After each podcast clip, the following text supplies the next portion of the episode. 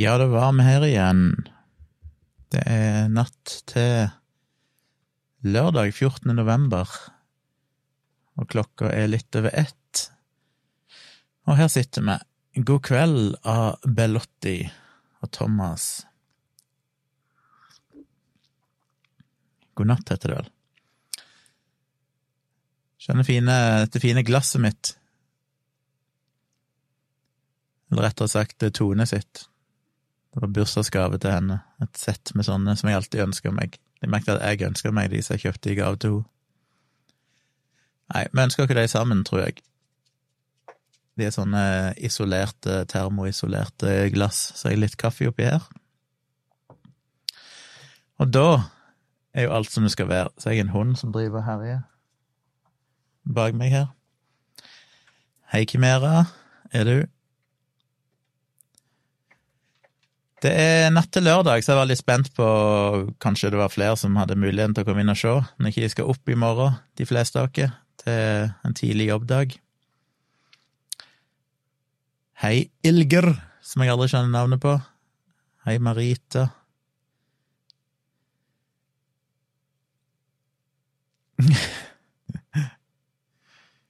Jeg blir allerede kritisert for at jeg drikker pulverkaffe.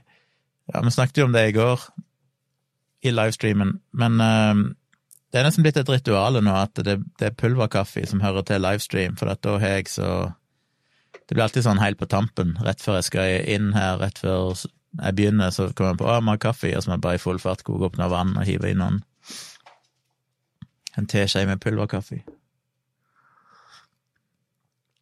Men i kveld er det altså pulverkaffe med smak av karamell og sjokolade, visstnok. Thomas lurer på om glassene er kjøpt på Ikea. Nei, de er kjøpt på eh, Kitchen. Såpass eksklusive er de.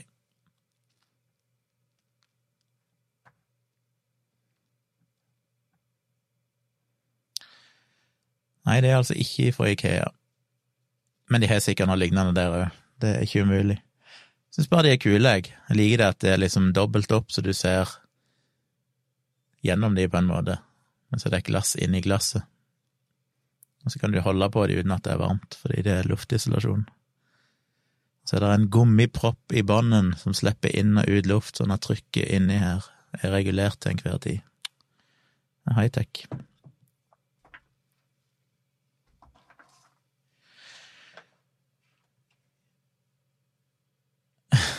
Thomas mener jeg burde få en kaffesponsor. Ja, det kan jeg godt. Det hadde jo vært noe. God kveld, henger de? Marita sier at de har veldig søte, matchende espressoglass også. Jeg vet ikke om hun mener på Kitchen eller Ikea, men ja. Arnesen støtter meg endelig, eller endelig en som støtter meg. Arnesen skriver at han òg drikker kun pulverkaffe med smak for tida. Jeg drikker ikke kun det. Jeg drikker kvalitetskaffe òg, men når jeg har dårlig tid, så funker det.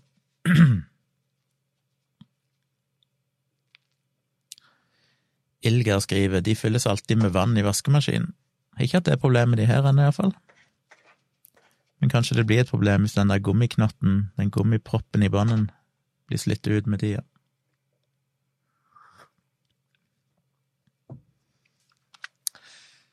Så i dag har det jo vært en fredag, og eh, fredager er jo normalt en eh, arbeidsdag. Men etter livestreamen i går, som slutta Den slutta vel nærmere halv tre, så hadde jeg en jobb jeg måtte gjøre, fordi jeg begynte å gjøre en jobb eh, på dagtid i firmaet mitt. Noe oppgraderingsgreier, noe databasegreier på serveren. Men så gikk det litt skeis. Eh, ikke noe kritisk feil, men eh, det var nok til at jeg ikke turte å gjøre det igjen på dagtid, så jeg tenkte å få vente til natta, sånn at hvis det går noe galt, så, så rammer det ikke så mange. Så jeg satt og utsatte det, og tenkte jeg skulle ta det etter jeg var ferdig med livestreamen. Og det gjorde jeg, og tenkte det skal ikke ta så veldig lang tid. Men som alltid, hvis en jobber innenfor IT og programmering, så er jo det alltid, nesten alltid, selvbedrag. Det er ikke få ganger jeg har sagt at nei, jeg tror ikke det tar så lang tid, og så sitter jeg der i 16 timer etterpå og fortsatt driver på med det. Så i går ble jeg sittende til, eller i dag, da, til halv Nei, i går, teknisk sett. Til halv ni om morgenen. Ja. Jeg er ferdig litt over åtte. Da tenkte jeg endelig at nå, nå kan jeg ikke gjøre mer. Så da gikk jeg og la meg. Og så sov jeg vel til nærmere ett, eller noe sånt. Og så ble jeg liggende i senga og bare slappe av, for jeg klarte ikke å våkne helt. Jeg hadde ikke fått så mange timer søvn. Så jeg ble liggende litt der før jeg endelig kom meg opp. Kom jeg inn på kontoret her, fikk eh, sjekka om det var noe eh, som måtte gjøres som hasta. Og det var ikke noe veldig kritiske ting som sto på. Så da drog meg og Tone ned i sentrum, til Oslo sentrum, fordi vi hadde en eh, bestilling som var på vei. Og det var jo den nye iPhonen som jeg nå har fått. Og det vakre bakgrunnsbildet har jeg tatt sjøl, så jeg er ganske fornøyd med at jeg har lagd min egen eh, bakgrunn. Tatt i en skog oppe i Tjomli, oppe med gården Tjomli. Så jeg har fått den nye iPhone 12 eh, Pro Max, som jeg jo alltid gjør. Må alltid ha den største versjonen. Og det nye i år er jo at den er ørlite grann større enn fjorårets modell. Dette er 11 Pro Max. Ikke så mye forskjell, men litt forskjell i størrelse. Ørlite grann. Og så er den jo flat på kantene, mens denne her har avrunda kanter så har den nye helt uh, rette kanter, som vi husker tilbake igjen fra iPhone 4 og iPhone 5. Og det liker jeg med å si. Jeg har sant for det. Jeg har jo den uh, iPad Pro-en som jeg har hatt et par år, og den har jo egentlig samme designet, med sånne rette industrielle kanter. Så vi var nede og henta den, for den skulle leveres med DHL, og de uh, er ikke alltid like fleksible.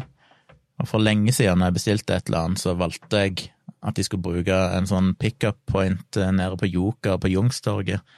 For de har et sånt skap med sånne skuffer, eller sånn skap i, masse små skap. Der du får tilsendt en kode når den varen er levert, og så kan du gå inn der og taste inn koden og signere og sånn, og så hente ut produktet. Og Tone hadde bestilt eh, levering borti Barcode på en Joker-butikk der, så vi måtte først opp på Youngstorget, så måtte vi bort på Joker og hente godsakene. Så satt vi der litt på en kafé i Barcode, en uh, kaffebrenneriet, og kjøpte noe å drikke. Jeg måtte ha noe å spise, jeg hadde ikke spist, så det ble min frokost. Det ble sånn i femtid eller noe sånt på ettermiddagen. Og så eh, klarte jeg ikke dy meg, så jeg måtte pakke opp iPhone der nede og kikke litt på den. Så reiste vi hjem etterpå, og så var det jo å installere den. Så det egentlig var dagens høydepunkt, det å få ny iPhone som jeg eh, alltid syns er gøy. Hvis det er noen andre som har fått iPhone 12 i dag, så må dere skrike ut, høre om dere er fornøyd. Foreløpig er jeg jo veldig fornøyd. Det er jo ikke de store forandringene, så jeg vet jo på en måte hva jeg får. Men eh, det skal være litt bedre kamera, selvfølgelig litt raskere, og kanskje først og fremst nytt design, som jeg syns er stilig. Så er det jo 5G på den òg. Det har jeg ikke fått testa ennå, men jeg får sjekke ut det etter hvert når jeg er en plass der er 5G-dekning. Jeg aner ikke om det er noen 5G-dekning her jeg bor, det er ikke sjekka. Simen A, eller Simena 1, skriver at neste år må det bli live unboxing. Ja, jeg burde kanskje spart den til, til livestreamen, men uh, det er ikke så fryktelig spennende. Det nye av året er jo at de har helt nye bokser, esker, som ser mye bedre ut enn tidligere. De leverer jo ikke strømadapter lenger, så derfor kan boksene være mye mindre, så nå er de bare så høye. Og tidligere så er jo alle iPhoner kommet i de klassiske hvite boksene. I år så er det svart boks, som er forskjellig avhengig av hvilken farge du har kjøpt. Jeg gikk jo for eh, Hva den heter Et Lamp Blue. Den litt sånn blålige, som jeg syns er en fin farge. Og så er det jo stainless steel på kantene, og den er vel Er det noe blåskjær i den, eller er den bare blank? Det er jeg ikke sikker på. Ikke så godt å se. Det reflekterer så mye farger her inne. Det er muligens et blåskjær i den. Ja, anyway. Så det er gøy. Alltid stas med ny telefon. Men det er jo en jobb, for jeg har jo altfor mye apper. Jeg hadde en runde her for en par uker siden, faktisk, da jeg endelig gikk gjennom og sletta en shitload med apper som jeg bare innså at disse bruker jeg aldri. Og eh, det hjalp jo litt. Men når du skal sette den opp, så går det jo ganske kjapt å sette opp ny telefon, og han synker jo alt over igjen via iCloud, så det trenger jo Det er liksom bare klikk, klikk, klikk, og så er alt i orden. Men så må man jo logge inn omtrent på de fleste appene. Det varierer litt, en del apper klarer å beholde innloggingen din, mens andre apper, når du starter den opp på ny telefon, så er det som det første gang du bruker appen.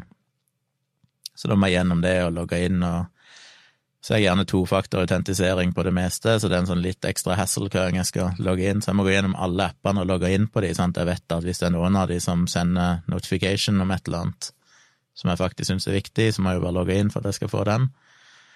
Så det er litt farlig hvis en bare glemmer det, hvis en glemmer å logge inn i ja, Posten-appen eller Digipost-appen eller sånn, som ikke akkurat er en app jeg bruker veldig ofte, men hvis jeg plutselig skulle få et brev i Digipost, så er det jo greit at jeg faktisk er logga inn, så jeg får uh, varsling om det. Så jeg måtte ha en liten gjennomgang, og det tar litt tid. Klikke seg gjennom alle appene og få logga inn og få, få, de på plass. Og så er det ikke alle som alltid får med seg alt når du synker de fra en telefon til en annen, så noen av de må du liksom inn og sette opp litt ting på nytt. Uh, Jan Ove skriver Unpacking, uansett hva det er, er en glede. Jeg sitter og venter på treningstøy og NFC-ladedings fra Kina. Billig, men man sitter likevel og venter, og sjekker tida på AliExpress. Ja, det er en glede å pakka ut nye ting. Men jeg har faktisk aldri bestilt noe fra AliExpress.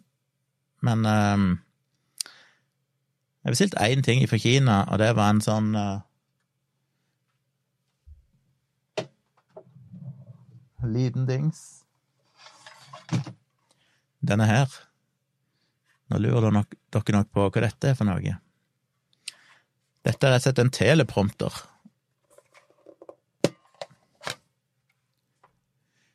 Så denne her kan jeg sette på objektivet som skal stå her bak, og kikke gjennom. Og så er det et speil, enveisspeil midt inni her, som er 45 grader. Sånn at når du ser fra baksida, så er det bare glass, du ser rett igjennom, så jeg kan filme gjennom det. Men når jeg ser fra framsida, så reflekterer han.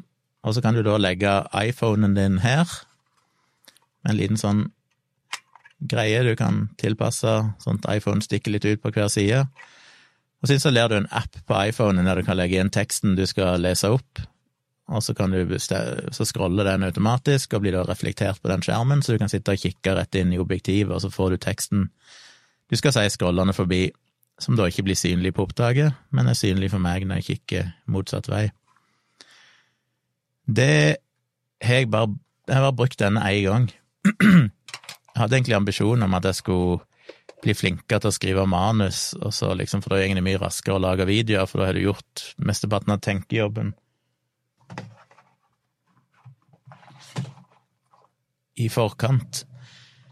Men det er jo så mye styr da må jeg jo faktisk tenke mye i forkant, og jeg er jo litt der nå at jeg har lyst til å være litt mer spontan, så vi får se om han blir mye brukt. Men den var nesten umulig å få tak på, for den var utsolgt overalt. Så fant jeg den i en obskur nettbutikk i Kina et eller annet sted. Så tenkte jeg, er dette Er det verdt å ta risikoen, holdt jeg på å si, for jeg ante ikke hvor legitim den nettbutikken var. Men han kosta ikke så mange kronene, så tenkte jeg ja, fuck it. Det verste som skjer, er at ikke jeg får den. Det kan jeg overleve. Det var eneste muligheten å få han var derifra, så da ble det det. Vegard syns at den fargen er den beste til iPhone ever, in my honest opinion. Eller in my opinion. IMO. Uh, ja, jeg syns den er fin. Den forrige 11, den hadde jeg jo i denne her grønne. Midnight Green, eller hva den heter for noe. Veldig sånn subtil, uh, mørk uh, grønnfarge. Og i år gikk jeg altså for den litt subtile blåfargen. Jeg tror nok jeg syns ja, Jeg liker egentlig begge to, men jeg tror nok den blå kanskje er finere. Den grønne er litt sånn, den er nesten for diskré. Det er ikke godt å se. Men fin telefon. Henger de lurer på om den nye koronavaksinen virker mot 5G òg? Eh, det tviler jeg på, ettersom 5G er det som gir oss koronasmitte, så vil jo det være rart. Um, så det tror jeg ikke. Men uh, det er sikkert Det er konkurrerende firmaer, så kanskje ett av firmaene lager en vaksine som faktisk beskytter mot 5G, bare for å fucke opp for de som lager vaksiner som later som de skal beskytte mot korona, men som egentlig bare er der for å booste effekten av korona eh, virusmultipliseringa generert av 5G-stråling. Så det er komplekst, dette her. Det er hard, hard konkurranse. Nei, men jeg skulle ønske det fantes en koronavaksine, eller en vaksine som virker mot idioti. For det er dypt fascinerende at det finnes mennesker som har gått gjennom en eh, ordinær skolegang, vil en anta, og ofte til og med kan ha høyere utdannelse, som faktisk i all seriøsitet tror at det er en eller annen kobling mellom 5G og koronavirus. Jeg bare lurer på hvor lite informert du må være om hvordan verden henger sammen for å klare å falle på den konklusjonen. Jeg liker som regel å anta at folk med rare meninger ofte kan være smarte, og det kan de. Eh, som jeg sa tidligere, jeg holdt foredrag for Mensa, og etter det foredraget så var det jo et par Mensa-medlemmer som kom opp til meg og begynte å spørre meg om diverse ting som var rene konspirasjonsteorier, som de trodde på. Men jeg tror jo at det er veldig mange av de som tror på dette, er rett og slett ikke spesielt smarte. Og det, da er det kanskje ikke deres feil, holdt jeg på å si. Jeg vet ikke. Men eh, det, det du, du må jo ha en eller annen feil et eller annet sted der oppe, hvis du kan fungere i verden og allikevel føle at det er overbevisende og høyst sannsynlig at 5G-mastene er satt opp for å gi folk koronasmitte. Ja.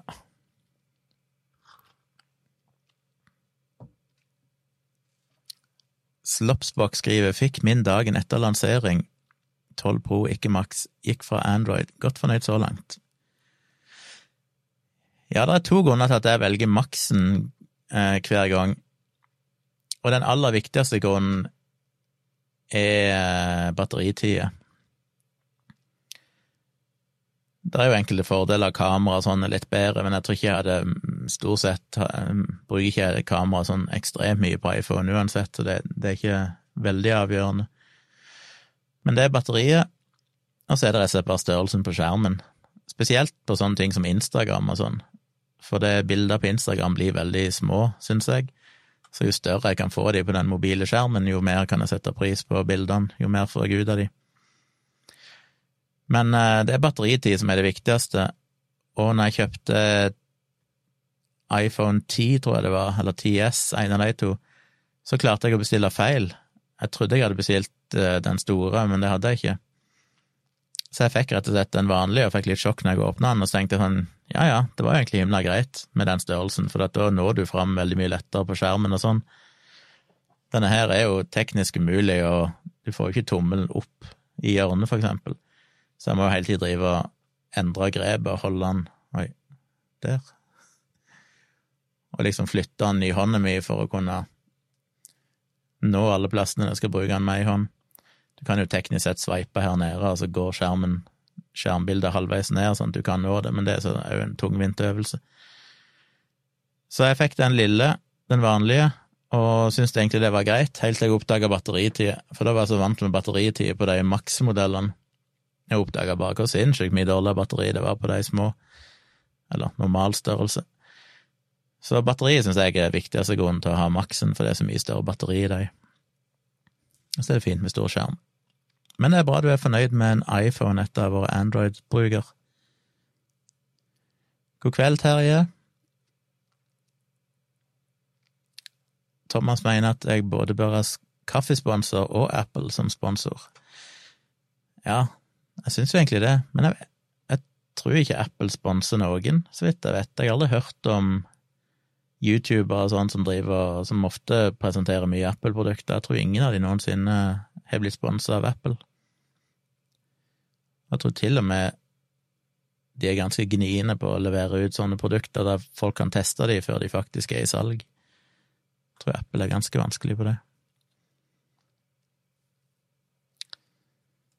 Terje skriver morsomt når man får e-post om at man har mottatt en digipost fra Digipost. Ja, de har vel e-postvarsling òg, så jeg hadde vel sikkert fått det med meg, selv om jeg ikke var logget inn i Digipost-appen. Det er fascinerende med den Digipost-appen, for det er jo en, et gjennomført opplegg, men det er jo så ytterst sjelden jeg noensinne får noe post som havner der. Og det er så random når noe havner i Digipost. Av og til får jeg sånn henting av pakker sånn i Digipost, bare sånn hæ, hvorfor dukka denne opp her? Andre ganger får jeg det på SMS, andre ganger får jeg mail. Det er liksom Noen ganger får jeg fortsatt en pakkelapp i posten. Det er så random, det der postsystemet, hvordan du ender opp med å få ting. Ilger skriver har funnet ut at det ofte er følelsen av å ønske seg noe jeg higer etter. Når jeg får det jeg ønsker meg, blir det litt sånn meh, ja ja, det var jo gøy. Ja, det er mye av gleden med å bestille ting, er jo det å sitte og vente på det, og ha noe å se fram til. Det er det jo. Og jeg gleda meg jo litt til den iPhonen her, men det var ikke sånn at jeg var sånn supergira, så jeg visste jo på en måte hva jeg fikk, og jeg kunne jo helt fint klart meg med den forrige. Men det var vel litt avgjørende at jeg liker nye formfaktoren, eller nye designet, og så følte jeg at jeg måtte ha 5G, for jeg er nødt til å få teste ut 5G litt, og ha muligheten for å bruke det etter hvert.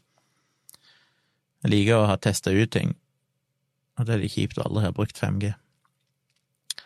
Så likte jeg jo det nye kameraet. Det ser ganske bra ut, spesielt når det er dårlig lys, så har det en del fordeler.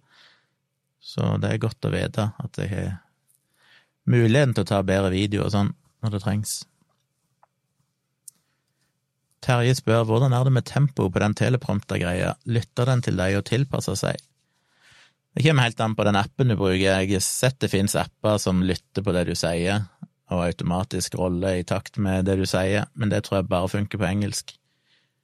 Så det er ikke noen sånn app som eh, funker på norsk, som støtter tilpasser seg talen. Så du kan jo kjøpe hvilken som helst app, eller laste ned gratisapper og bruke. Det er jo selvfølgelig helt uavhengig av selve teleprompteren, for det er bare en plastikkboks med et speil i. Den har ingen elektronikk eller noen ting. Det er jo mobilen som egentlig gjør hele jobben. Eh, men det var vanskelig å finne en god teleprompter-app.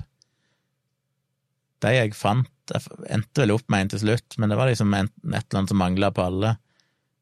Og det fulgte jo med en teleprompter-app med den teleprompter-boksen. Du fikk en QR-kode eller sånn du kunne skanne inn, og så lasta ned en app som hadde en del fine features, men uh, som, som, jeg likte. Jeg husker ikke hva det var. Det var vel det med at du kunne Du kunne styre det meste av hastighet og frontstørrelse og alt mulig sånn, og bredde på linjene og sånn.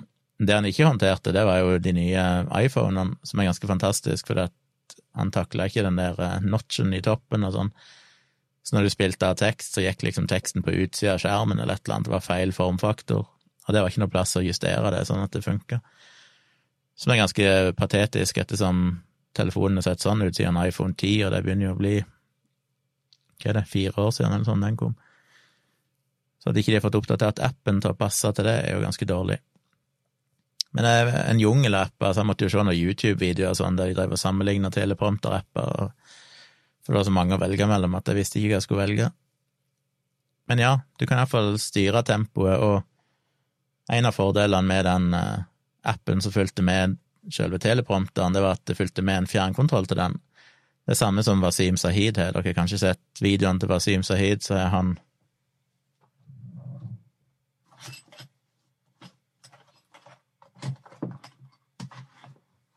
Finner jeg ikke, men det er en sånn liten fjernkontroll som du kan holde litt diskré i hånda, med en liten joystick på noen knapper og sånn, og den kan du styre tempoet med.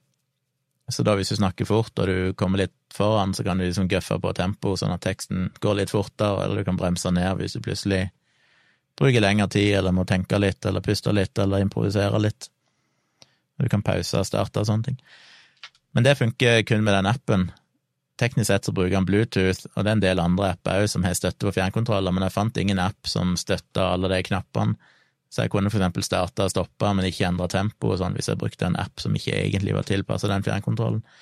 Det var ingen av de annet den originale appen som faktisk gjorde det han skulle.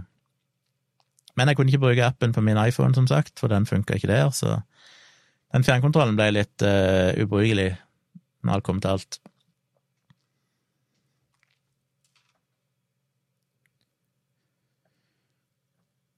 Gamle Oslo spør hvilken DAW, DAW, eh, bruker brukte du? Um, ja, hva er det jeg bruker nå? Nå lager jeg egentlig ikke noe musikk lenger, så når er kun redigere lyd, bare sånn podkastlyd, så har jeg brukt et program som heter Hindenburg Journalist, som jeg aldri hadde hørt om før, men jeg plutselig bare oppdaga her tidligere i år og tenkte jeg måtte sjekke ut, og den er på en måte et enk ganske enkelt program, der du kan ha flere spor, og som kun er for å egentlig lage for to ting, og det er å redigere podkast eller radio. Og det gjør han veldig bra. Det er ikke et program for å liksom lage musikk og sånn, det er et program for å redigere radio og podkaster. Eh, og den har noen innebygde effekter. Han har blant annet en sånn noise eh, reduction, sånn intelligent noise reduction, som bare lytter på lyden, og så automatisk fjerner han støyen, som fungerer i real time, og er omtrent den beste jeg har sett i noe program, som er litt fascinerende. Uh, ja, og kompressor og equalizer og sånn innebygd, men så kan du selvfølgelig bruke alle tredjeparts-plugins og sånn som er installert på maskinen. Så den gjør en veldig god jobb.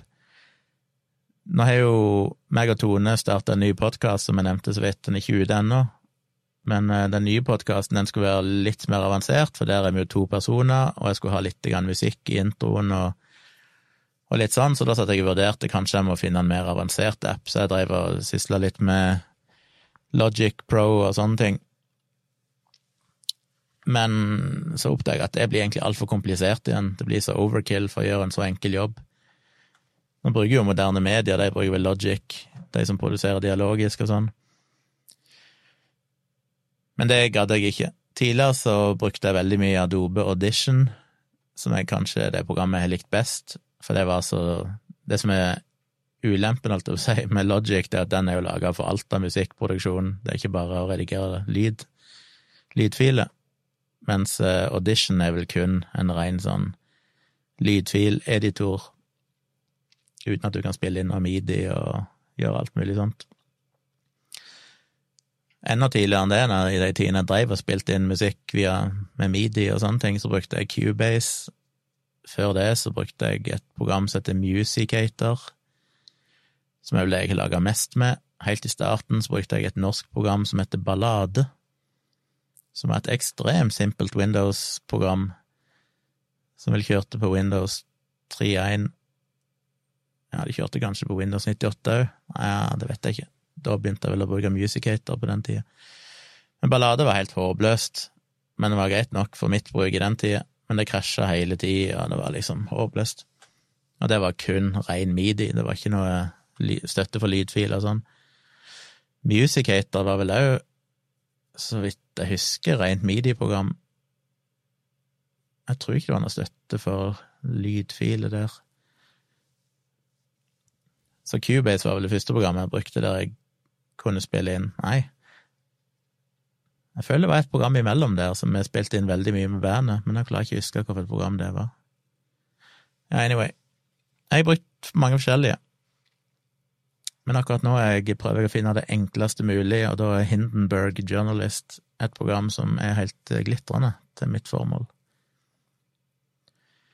Mr. Derp er her. Hei, Mr. Derp.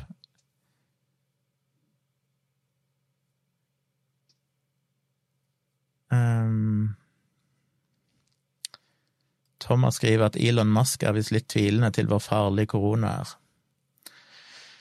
Ja, han skriver mye rart, og det syns jeg er veldig, veldig irriterende.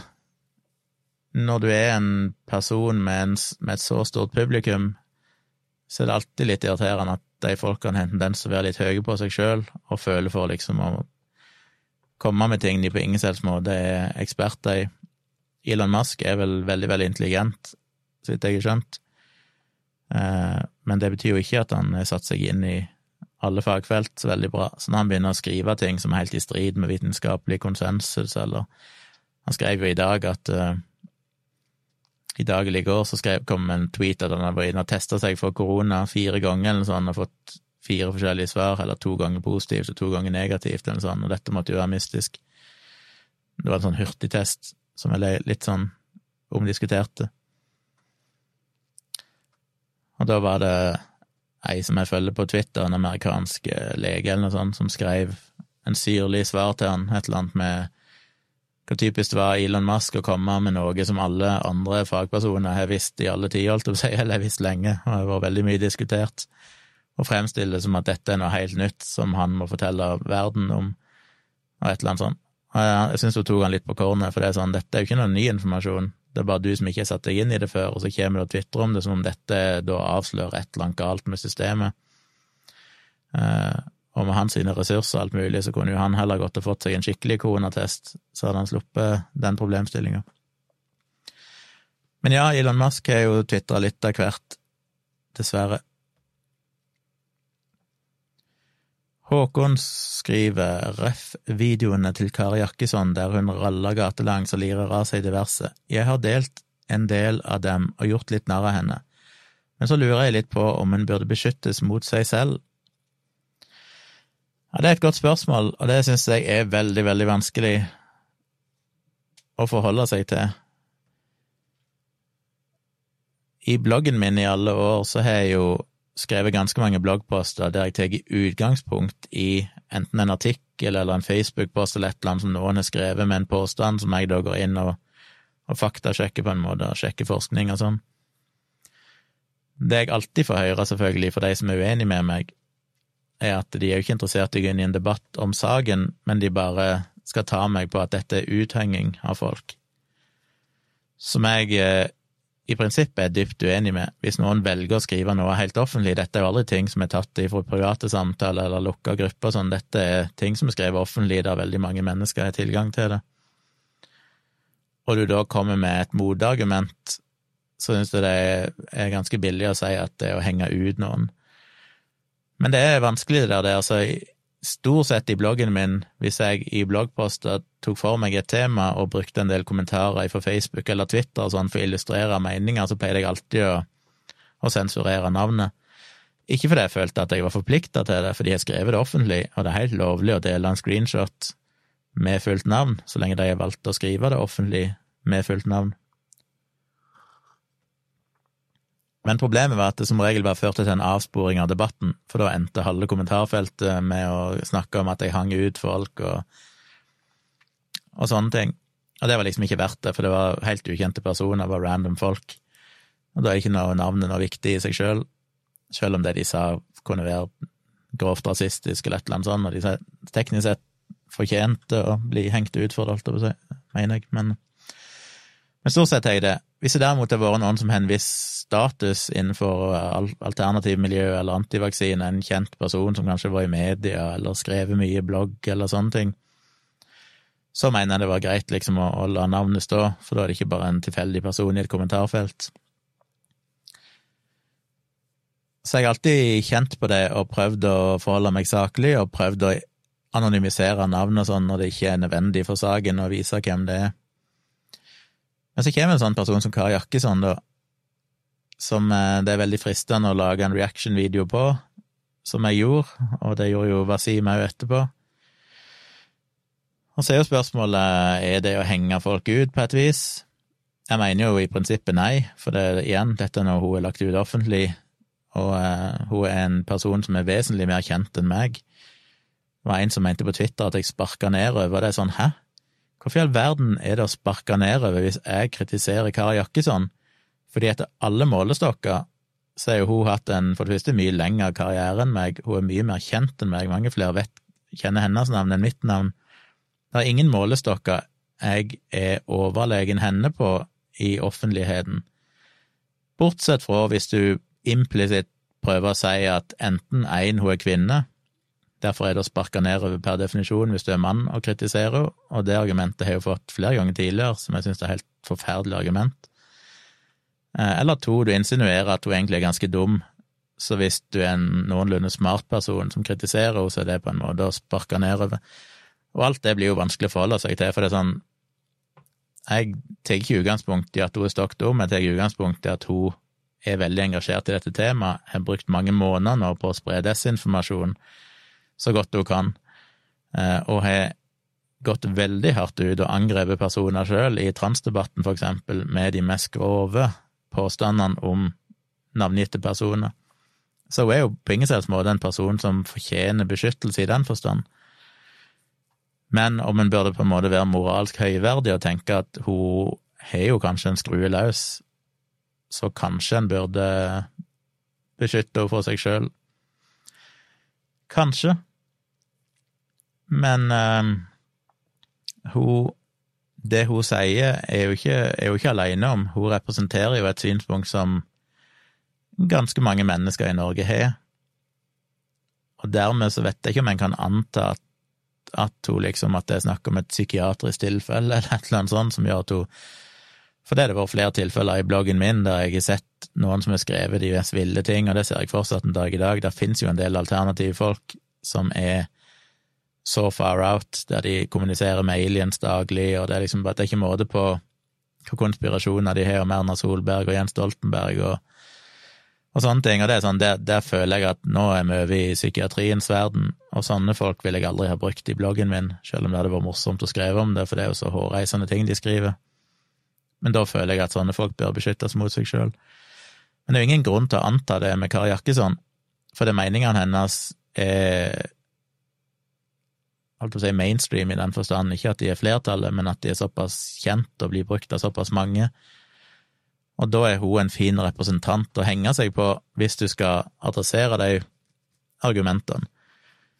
For til syvende og sist må en jo være litt eh, tabloid for å nå ut. Hvis jeg hadde skrevet Jeg tar den siste bloggposten jeg skrev, som adresserer mange av de samme poengene som hun sprer om seg om korona så får ikke den så veldig mange folk som leser den, for det, den blir ikke lagt merke til på samme måte. Det blir litt mer sånn dette er en tekst om eh, der jeg svarer på spørsmål og prøver å knuse noen myter rundt korona og pandemien og sånne ting. Men det å ta noe som allerede er blitt sett av veldig mange offentlig på internett, som er en kjent person, og så på en måte motargumentere det, så er det klart at du får en mye større rekkevidde, og den videoen er vel sett av, nei, av 50 000 cirka nå. Og Wasim sin er jo sett av tre ganger så mange, og vel så det. Så eh, de har jo fått mye spredning, og det føles alltid litt sånn billig. Det var, litt, eh, det var enda verre når jeg lagde den videoen om Henriette Lien i vår, fordi den gjorde jeg jo, holdt jeg på å si, med de mest naive intensjoner. Jeg bare tenkte oi, Henriette Lien, hun vet jeg hvem er. Hun sa noe som jeg syntes var kritikkverdig, så jeg adresserte i en sånn reaction-video. Og den òg fikk jo enormt mange views, som sjokkerte meg, for da var det sånn shit. Det var tydelig at det var mange For jeg fikk jo meldinger privat og sånn òg fra diverse folk, um, inklusiv andre skuespillere og sånn kjendiser, holdt jeg på å si, som roste meg for at jeg hadde tatt tak i det. Tatt tak i det. Så det virka litt som at hun hadde en del fiender i gåsehudet, en del folk som syntes at hun var litt skrullete i utgangspunktet.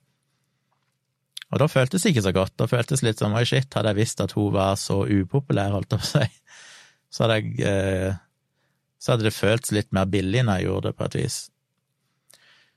Men så kom den Kari Jakkesson-videoen, og den ble jeg så oppfyrt over, jeg ble så irritert at jeg tenkte jeg er nødt til å si noe om dette, for det går ikke an å drive og spre og ha den oppførselen hennes, så jeg følte hun fortjente kritikk og ble like overraska denne gangen òg, at han fikk så mye visninger. Selv om jeg visste at uh, det ville jo fenge en viss interesse for det Kari Jakkesson, men han fikk jo mye mer visninger enn det jeg hadde trodd. Ja, nå snakker jeg meg litt vekk, men spørsmålet var jo om hun burde beskyttes for seg sjøl. Jeg uh, tenker jo egentlig bare høyt nå, prøver å argumentere litt fram og tilbake, som jeg så ofte gjør. Jeg føler vel egentlig ikke det, men jeg syns jo det er litt vanskelig når jeg ser hvor mye eh, hets egentlig det fører til for andre som kommenterer der jeg har delt videoen, for eksempel. Inn på Facebook så kommer det jo en del ufine kommentarer. Som ikke egentlig er fruktbare for debatten på noe selvs vis. Og det er jo ikke meninga. Meninga er jo å bruke en sånn video som en, et utgangspunkt for å kunne servere Drive folkeopplysning, som er det jeg ønsker å gjøre. Men jeg vet ikke. Jeg vil gjerne høre hva dere tenker.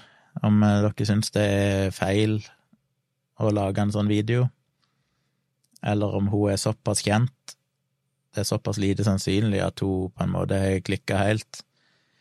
Eh, for det er meningene hennes ikke De er mye mer utbredt enn folk som mener at uh, Jens Stoltenberg er en alien i menneskekostyme, for eksempel. Så jeg mener da det er så drøyt at da vil jeg kanskje beskytte de for seg sjøl. Men det å bare ha det sånne tankene rundt, rundt koronapandemien, det er det jo til og med holdt på å si, leger som har sagt mye av de samme tingene som hun gjør. Så jeg føler ikke at det hun sier er ekstremt nok til at det kvalifiserer til at det ikke bør offentliggjøres fordi hun skal beskyttes mot seg sjøl. Det er jo ganske mainstream argumentet å ha, selv om oppførselen hennes rent sånn som person er jo litt spesiell, det må jeg jo si. Ja, nei, jeg vet ikke. Dere får uh, kommentere og si hva dere mener. Henger de skriver så akkurat på en video om at noen mener Mount Rushmore er laget av Finnair. Må si jeg synes det er litt morsomt også, uansett hvor ille det har blitt. Ja, det er mye rare meninger. Mr. Derp spør har Tone helt slutta å lage YouTube-videoer, eller? Nei, det er jo absolutt ikke. Det eh, tar litt tid mellom hver, men hun driver og jobber med en ny NO som kommer etter hvert. Og uh... men det er krevende å lage video. Det tar mange timer. Så Men jeg tror begge to, både Tone og meg, har en ambisjon om å skjerpe oss og prøve å være litt flinkere, senke terskelen. Prøve å ikke legge for mye arbeid altså heller prøve å få ut litt videoer. Så det er planen min for denne helga. Denne helga skal jeg få lagt ut iallfall én video. Osni lurer på om jeg, om jeg har prøvd snus. Vet ikke om det er sarkastisk meint, siden jeg sitter her med snus akkurat nå. Så svarer jeg ja. KO Ovesund skriver skulle likt å se den speech to text-appen som støtter sirdalsk, da. Det er jo et dilemma. Selv om jeg må si at eh, sånn som Siri på Apple-enheter Siri er jo stokk dum, men hvis du først skal bare få Siri til å transkribere et eller annet Eh, så er jeg egentlig imponert over hvor, hvor mye hun skjønner, eller den skjønner, selv om jeg snakker dialekt. Det overrasker meg litt. Syns de er relativt fleksible. God kveld, I know me. Welcome back. God kveld, Vikram. Eller god morgen, som han skriver. Ikke morgen ennå. Vikram spør om jeg har Streamdeck Pro, Vurderer å kjøpe det selv, men kan skripte egne actions på knappene som kan være nyttige i forskjellige sammenhenger. Nei, jeg har jo sett litt på sånne ting, men jeg har ikke følt at det jeg driver med er avansert nok til at jeg egentlig trenger å ha knapper å trykke på. Det er såpass simpelt at jeg klarer meg egentlig med å bruke musa her på datamaskinen og styre det. Men eh, det kan jo være ting utvikler seg, at jeg finner på noen mer avanserte prosjekter på sikt, og da det lyset jeg har der, det er jo et uh, dumt lys, holdt jeg på å si, så jeg må skru av og på og styre direkte. Mens det lyset jeg har der, som er en sånn Elgato Keylight Air, den kan jo styre med mobiltelefonen og en app og sånn, og den kan jo programmere opp mot streamdekk og andre ting, så da kan jeg bruke den til å skru av og på lys og sånne ting. Så hadde jeg bytta ut alle lysene mine med litt sånn mer intelligente enheter, så kanskje jeg hadde hatt nytte av det. Musikkprogrammer som jeg har brukt, skriver Vikram. Notator, ja, det brukte vel jeg òg. Føler det ringer ei bjelle, men jeg klarer ikke helt å plassere det. Cubase, Protools Protools har jeg aldri brukt, det ble for heavy for meg. Reason har jeg vel så vidt testa, men egentlig ikke brukt det. Nuendo har jeg aldri brukt. Acid, det føler jeg at jeg har brukt. Fruity Loops jeg har òg testa så vidt, men aldri brukt det noe mer. Og Ableton Live som man bruker i dag. Jeg har jo inntrykk av at Ableton Live er vel det som er ganske vanlig når folk driver og lager den type musikk. Jeg følte mange av de, sånn som Ableton og sånn, iallfall tidligere, var veldig sånn eh, loop-baserte, som, som ikke var sånn jeg lagde musikk. Jeg lagde jo musikken min med midi, der jeg satt og spilte inn absolutt alt for hånd. Mens det med å drive og trigge loops og alt mulig sånn, det var liksom utenfor min eh, arena. Så jeg brukte mer sånn som Cubase og for så vidt litt Logic har jeg brukt lite grann, der du kan blande både midi og lydfiler. Men jeg har jobba lite med loops. Gamle Oslo skriver jeg gikk fra Octamed til Acid Pro, men endte til slutt i Reason. Jeg sånn minner av disse her programmene, men det er ikke alle jeg klarer å plassere. Jeg vet jeg var borte i Reason, men nå klarer jeg ikke helt å huske hva jeg har gjort i det. Det begynner jo å bli veldig mange år siden. Jeg har jo egentlig ikke jobba noe med musikk siden omtrent årtusenskiftet. Uh, ja. Noe av det siste jeg gjorde, var vel kanskje i 2005, 6, 7. Da gjorde jeg bitte grann, men mest av alt var jo på 90-tallet og tidlig 2000-tallet. Så det begynner å bli lenge siden. Det jeg har gjort siden den gang, har jo stort sett bare vært podkastredigering og sånn, og da har jeg brukt eh, Adobe Audition eller Hindenburg eller Logic. Anomi skriver når det er kjente folk, syns jeg det er viktig å ikke sensurere. De anses jo gjerne som en slags fagperson av noen, og har en større heiagjeng, og da er det viktig å avsløre, avsløre dem. Ja, jeg er jo enig i det.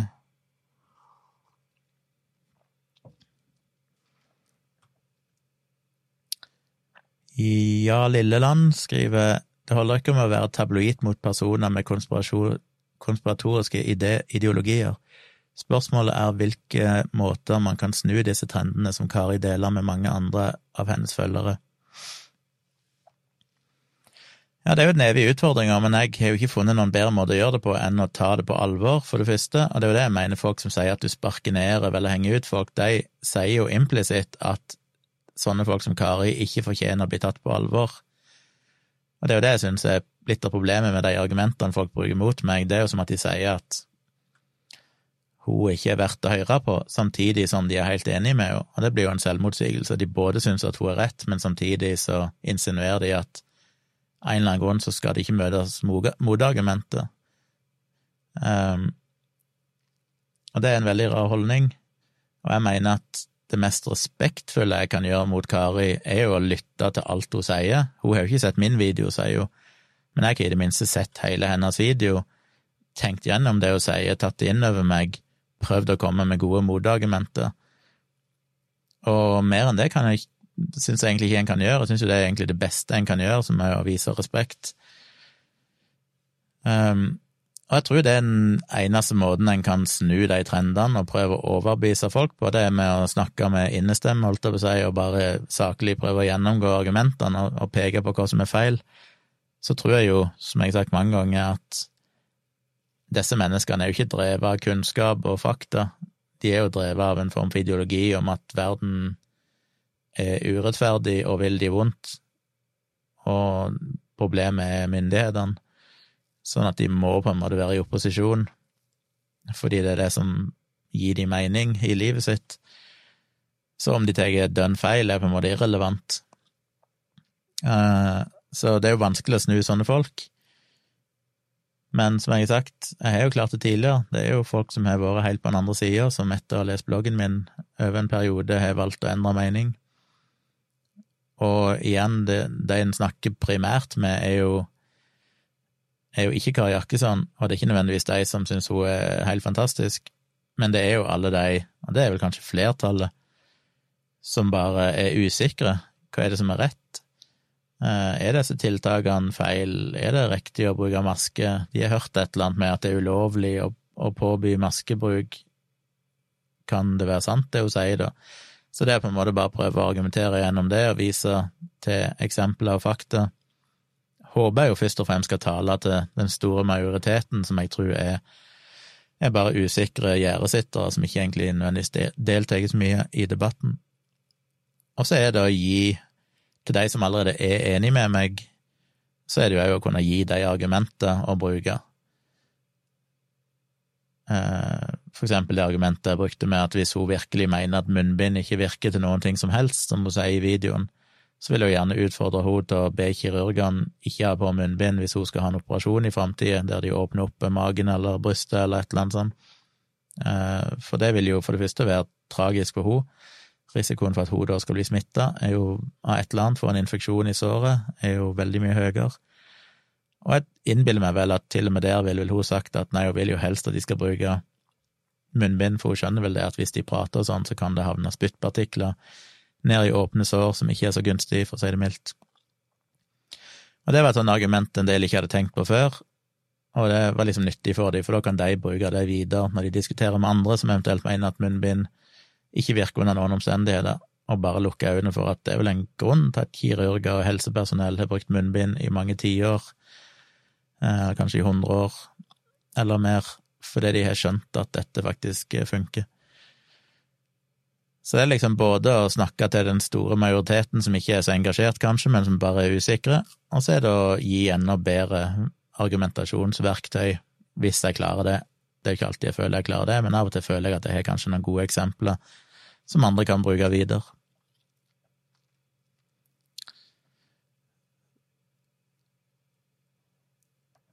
Thomas skriver syns det er blitt vanskelig å skjelne mellom psykiatri, type paranoid schizofreni og meninger type konspirasjonsteorier helt på jordet fra tilsynelatende oppegående personer. Men én forskjell er tross alt hvor vellykket oppegå, vellykket skråstrek oppegående personene er. Er det psykiatri, er de nok ikke fremgangsrike bloggere, videre.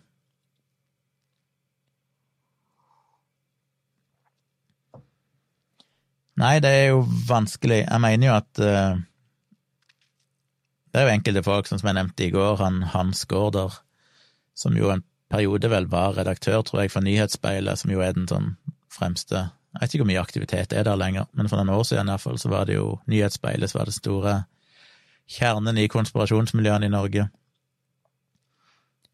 Og han har iallfall skrevet mange artikler som ligger ute på Nyhetsspeilet. Og de er jo som sagt så, så ekstreme Eh, det er jo snakk om at han intervjuer aliens fra andre galakser og sånne ting. Um, så der er det jo nærliggende å si at meningene er så far out at du nesten må være eh, ha en eller annen diagnose for å kunne tenke at dette er sant. Men han er jo tilsynelatende vellykka i den forstand han har jo skrevet mye og holder masse foredrag rundt forbi og, og deltar i debatter og sånn. Uh, Iallfall tidligere. Vet ikke hvor mange som vil ha han i debatter nå lenger, men Så det er vanskelig. Det er jo noen som uh, klarer seg veldig bra, selv om de har helt psycho ideer om verden. Så det er vanskelig å finne hvor grensa er. Men det er jo noe med det at når du kommer til de mest ekstreme ideene, så ser jeg ikke helt poenget med å skrive om det. Jeg har jo aldri skrevet noen bloggposter så jeg kan huske, som prøver å fortelle folk at det sannsynligvis dette intervjuet med aliens er sannsynligvis ikke ekte for de, og så viser at det er forskning. De tingene blir så far out at det er sånn Folk som tror på det, er på en måte lost uansett. Det er jo ikke, det er ikke, noe, det er ikke et synspunkt som er utbredt i befolkningen i det hele tatt. Men sånne ting som Kari Jakkesson kom med, det er jo derimot noe som en vesentlig del av befolkningen faktisk tror på, eller iallfall er usikre på om kan være sant, og da er det jo noe helt annet. Da er det jo verdt å bruke litt tid på å si imot det. Og så mener jeg jo, både i den videoen med Henriette Lien og den med Kari Jakkesson, så anerkjenner jeg jo de gangene de har et poeng. I begge de videoene så sier jeg minst én gang at, at, det de sier er korrekt, um, men av og til så mener jeg kanskje at de allikevel misbruker poenget eller et eller annet sånt, men, men det er viktig å både anerkjenne det de sier som er korrekt, og kritisere det de sier som ikke er korrekt. Jarl, Jarl Lilleland skriver man kan ikke bli provosert over Karis video så lenge man vet hva som er fakta eller ikke. Um, jeg vet ikke om jeg skjønte formuleringa helt, så lenge man vet hva som er fakta eller ikke. Jo, jeg blir ofte provosert når jeg hører folk si ting som jeg vet er feil, bare fordi at jeg vet at det sitter så mange og kommenterer unna og skriver liksom 'ja, det er så bra at du sier dette, Kari', og 'ja, du har helt rett', og 'jeg er så enig'. Og da blir jeg irritert, for det er sånn Dette er så åpenbart feil, mye av det.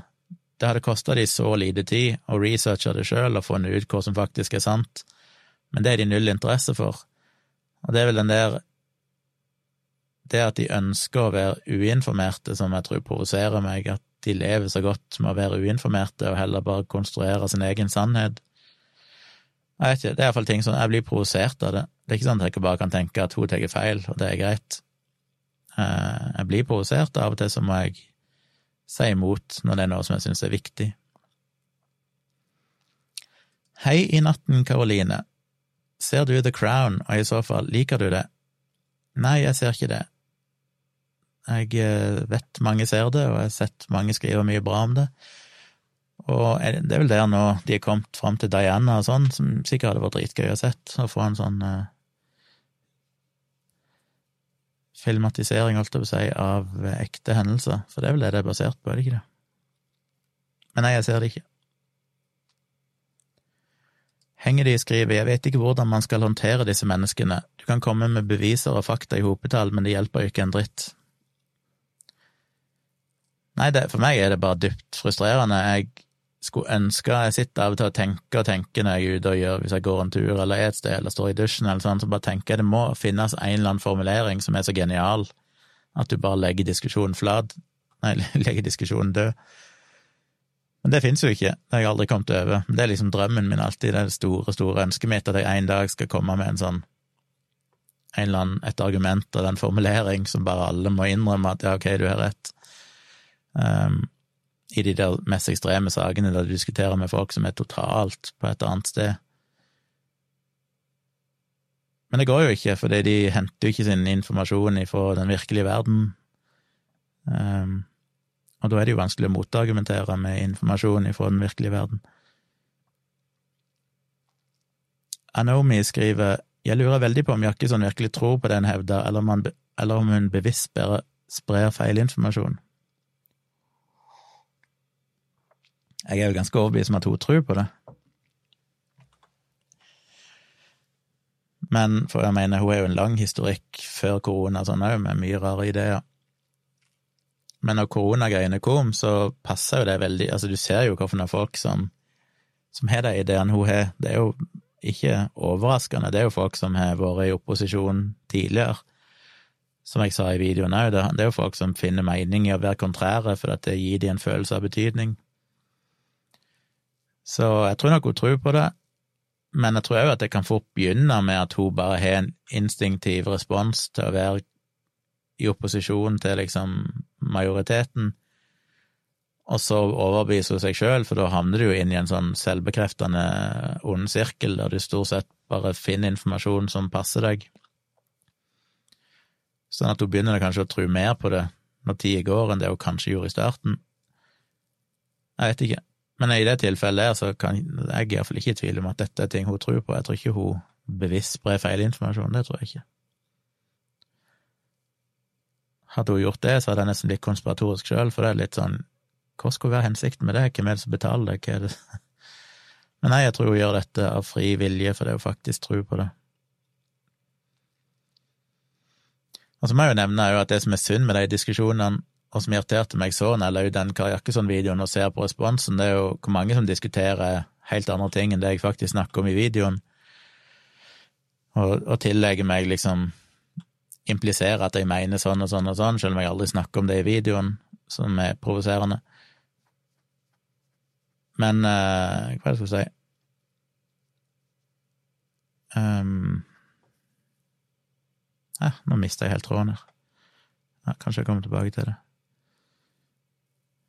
Thomas skriver jo, man blir provosert over egoismen hun uttrykker, og hun får tross alt med seg en del 70 versus 74 millioner stemmer gikk til Trump. Egoisme smitter.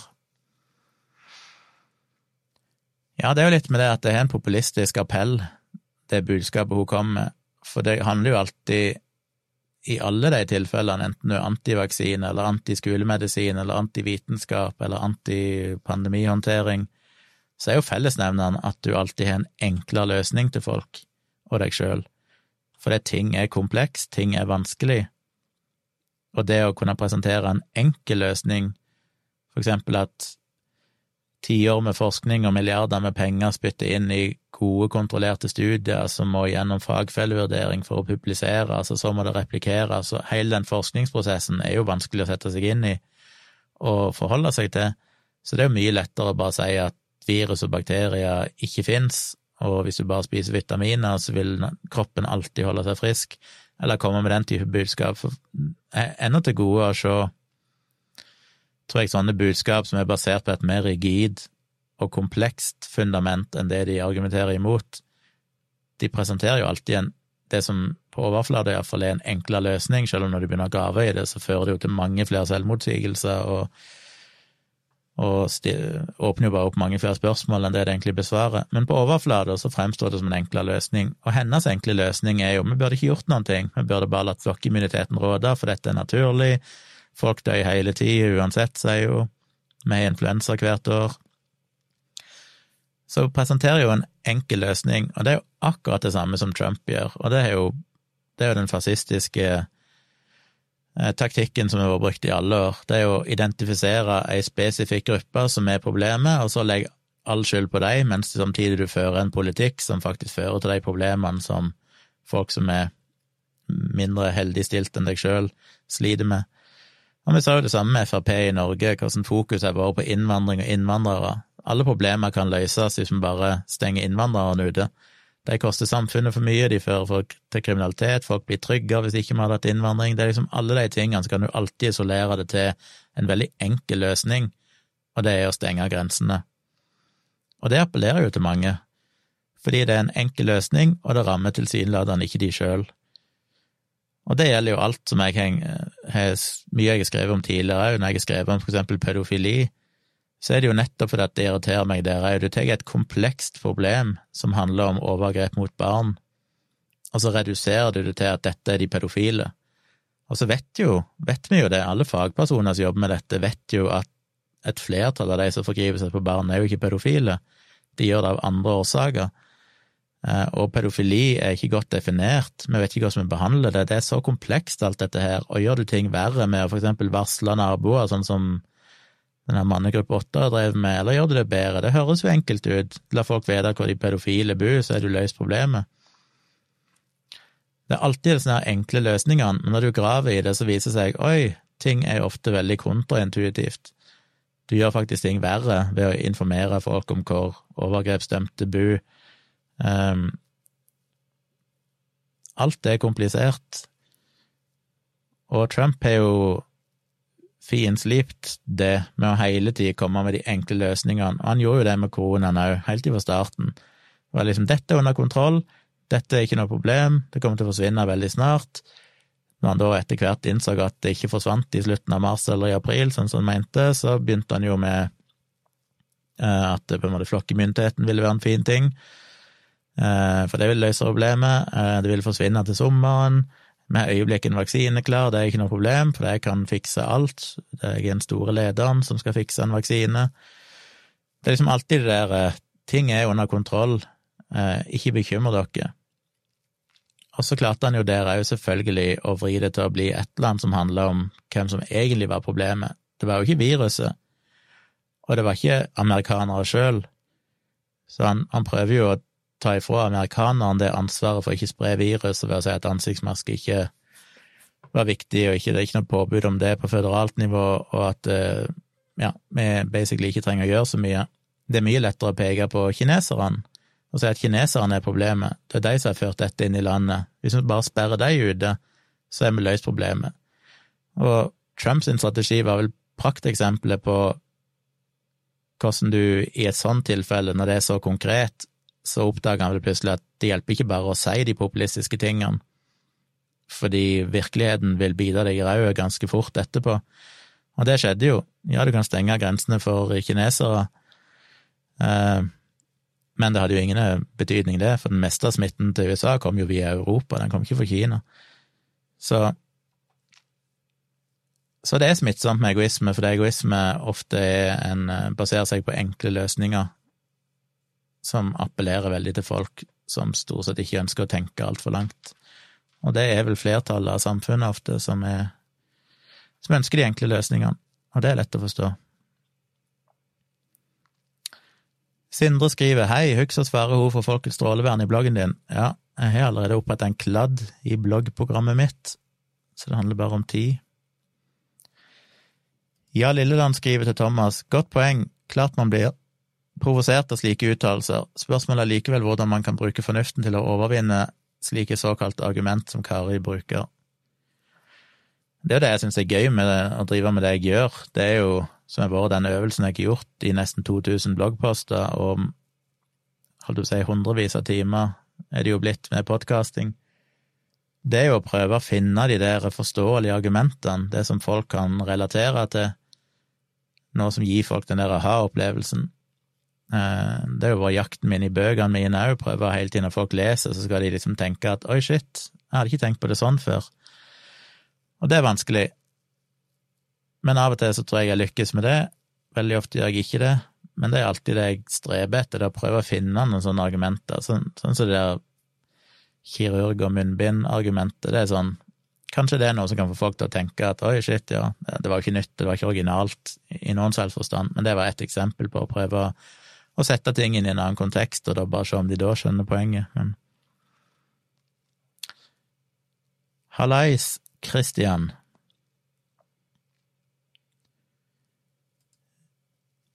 Eh, Vikram skriver kirurgiske munnbind er ikke det samme som vanlig munnbind. Tror det er tre typer som blir brukt på sykehusene.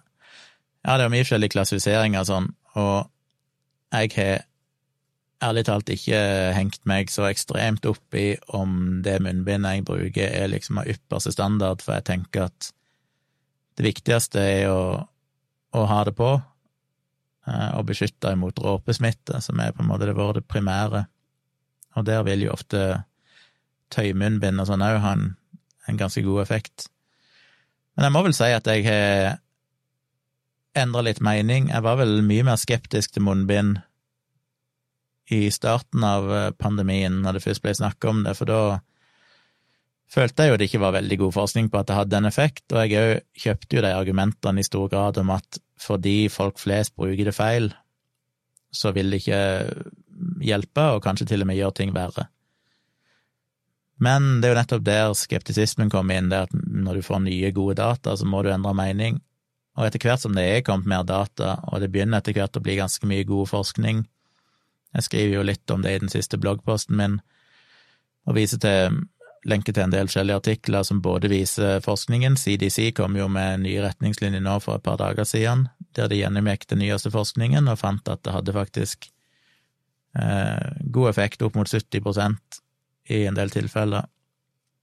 Og der viser de òg til en del konkrete tilfeller. For eksempel et eller annet sted det var to frisører som jobba, som var, viser seg å være smitta, og de klarte vel å beskytte samtlige av sine husker det var satt tall på det, men det var liksom sånn konkrete eksempler som viste at her var det faktisk ingen som ble smitta fordi de to frisørene brukte munnbind. De har jo òg fulgt passasjerer på fly og sånn som er smitta, og brukt munnbind, og sett at ingen andre passasjerer blir smitta. Og litt sånne ting. Så det er liksom både real life-eksempler. Jeg viser også til noen artikler som sammenligner forskjellige regioner i USA, sånn der de i en region har sagt at du trenger ikke bruke munnbind, og en annen region har sagt at du må bruke munnbind, og så ser de at smitten går veldig mye opp i den regionen der du ikke har munnbind, sammenlignet med der du har munnbind. Med alle forbehold, som jeg snakket om tidligere, at det er ikke nødvendigvis bare munnbindene som gjør det, men det er jo at du endrer atferd når munnbind blir pålagt, påbudt. Men iallfall summen av alle de dataene peker i retning at munnbind nok er viktigere enn det jeg opprinnelig trodde, så da må jeg endre mening, og det har jeg gjort. Så nå har jeg vært ganske mye mer tydelig på at jeg tror munnbind er viktig å bruke, og riktig å påby. Det eneste argumentet imot munnbind nå, som jeg ser, er jo er nok mest av alt det at der de plassene det er påbudt å bruke munnbind, er i veldig liten grad de plassene folk stort sett blir smitta. Litt fordi at du stort sett er i nærheten av andre folk i såpass kort tid at smitterisikoen ikke er så stor. Det meste av smitte ser jo ut til å komme fra lukka fester eller private sammenkomster og familier, og der har du ikke noe påbud med munnbind. Så selv om jeg tror at det, det etter hvert begynner å bli ganske god evidens for at munnbindene er relativt effektive, så kan en argumentere imot de bare med å si at de plassene de er påbudt, er kanskje ikke der det egentlig er mest risiko i utgangspunktet. Max Arnus skriver God aften, Tjomli. Litt sent ute i dag, beklager. Ja, det noterer meg. Akkurat kommet hjem fra en liten padletur ned i havna. Gjorde ingenting spesielt. Det er mine personlige saker uansett, he-he. Ja, det jeg tror du er 70 år for seint ute, men uh, det er sikkert effektivt nå òg. Anomi skriver ja, 70 år, er mer enn det. 80 år, nesten. Fikk sett debatten i dag, syns måten de ville vise meningsmangfold og uenigheter på var ganske uheldig. Skulle heller sett en slags spørretime med forhåndsinnsendte spørsmål fra tilskuere som skal besvares av fagpersoner, som også kan vise til eh, de uenighetene og usikkerhetene som finnes i forskningsmiljøene. Føler ikke debatten i går var fruktbar på noen som helst måte.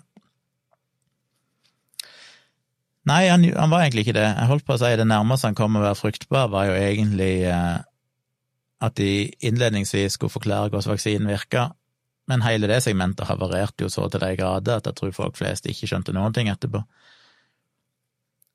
Igjen, les min bloggpost der jeg forklarer det. jeg tror jeg forklarte det mye bedre enn det de klarte å gjøre i det programmet. Og resten av programmet følte jeg primært ble en sånn diskusjon der det bare gjaldt for uh, pro, de som har provaksine, og, og, liksom vise sympati med at vi skjønner det er usikkerhet og bla, bla, bla. Det var liksom ikke noe veldig fruktbart, noe sånn håndfast av argumenter, følte jeg.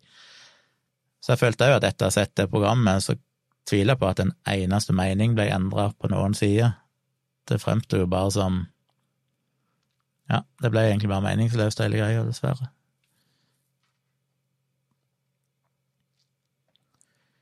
Ja, Lilleland skriver det viktigste spørsmålet vil nok være hvordan går det med deg, Tjomli, hva gir deg håp i disse dager, hva gjør deg lykkelig? Å, dette var store spørsmål. Det går veldig bra med meg, det må jeg si. Jeg trives veldig, veldig godt i disse pandemitider. Jeg har noen savn, som jeg snakket om tidligere, spesielt for datter og familie, som jeg ikke får sett så mye som jeg ønsker. Men bortsett fra det, så syns jeg det er helt fantastisk, egentlig, at uh, ting er så nedstengt, og jeg vet ikke hvorfor, det er bare jeg koser meg med å ha en unnskyldning til å kunne sitte her og drive og jobbe med ting på mitt kontor som jeg liker så godt, kontorstudio. Og ellers er helsa bra og kan ikke klage. Jeg bor sammen med den beste samboeren som jeg eh, syns det er herlig å være sammen med. Så jeg er fornøyd. Eh, hva gir deg håp i disse dager? Tja, hva gir meg håp? Det er ikke så mye som gir meg håp. Jeg er nok litt sånn Jeg er generelt sett veldig optimistisk i mitt eget liv. Jeg tror alltid at ting skal gå bra, jeg skal få til det jeg vil, og alt mulig sånn. Men når det gjelder verden generelt sett, så syns jeg det er veldig mye som peker i feil retning. Men det er kanskje et lite håp, i det minste, at Biden vant valget. Da det vært enda mer dystert hvis han ikke gjorde det. Hva gjør deg lykkelig? Eh, det er et vanskelig spørsmål å svare på, for jeg føler sjelden på lykke. Men for meg så er vel egentlig lykke nærmest jeg kommer, er vel tilfredshet. Det er å bare føle at ting er greit. Du har ikke noen store savn eller mangler i livet. Så det som gjør meg lykkelig i den forstand, er jo egentlig rutine og kontinuitet, syns jeg er greit. Det å ha fått meg en egen leilighet her sammen med Tone, Fått rigga meg opp i et kontorstudio, vite at jeg har denne plassen å gå til, vite at jeg har det utstyret jeg trenger, omsider, til å kunne lage det innholdet jeg ønsker. Det kunne være produktiv og føle at jeg gjør noe. Jeg tror det nærmeste jeg kommer lykkefølelse, det hvis jeg har lagt ut en ny YouTube-video, for eksempel, eller skrevet en ny bloggpost.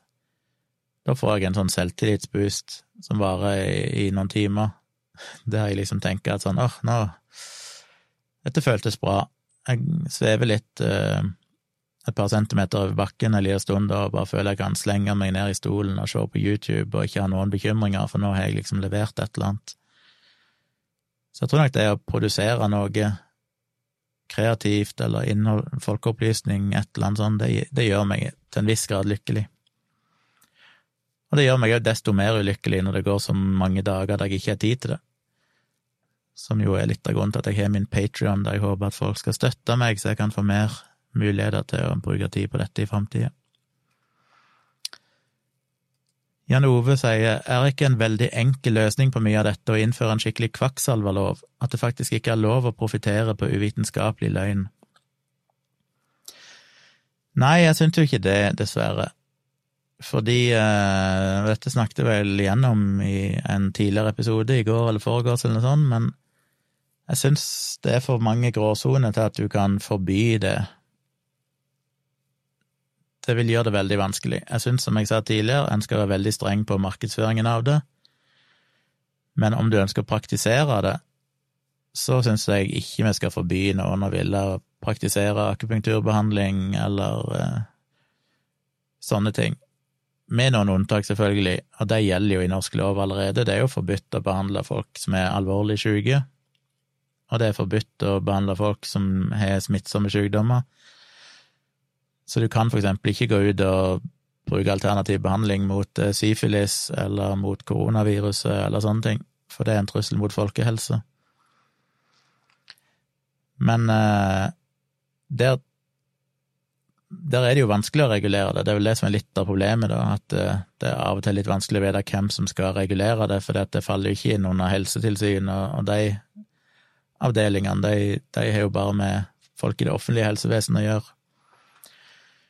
Så som jeg sa tidligere, det er stort sett bare politianmeldelser som kan ha noe for seg, hvis det er vanlige folk som ikke jobber innenfor det offentlige helsevesen. Så det er litt vanskelig å regulere det i praksis, men lovverket er jo relativt tydelig på hva som er lov og ikke. Enkle ting kunne kanskje vært strengere, for eksempel så mener jeg vel kanskje at det ikke burde være lov å behandle noen barn under 18 år, for eksempel, med alternativ behandling. Um, men jeg syns det skal være lov for voksne mennesker, at de skal få lov å ta det valget sjøl for sin egen helse.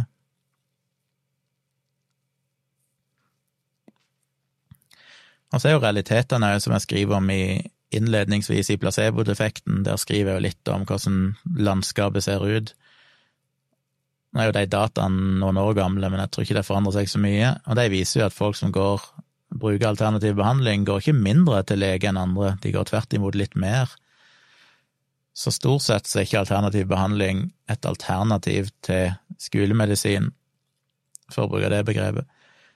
Det er stort sett brukt komplementært, så det betyr nok at de søker andre ting der ofte.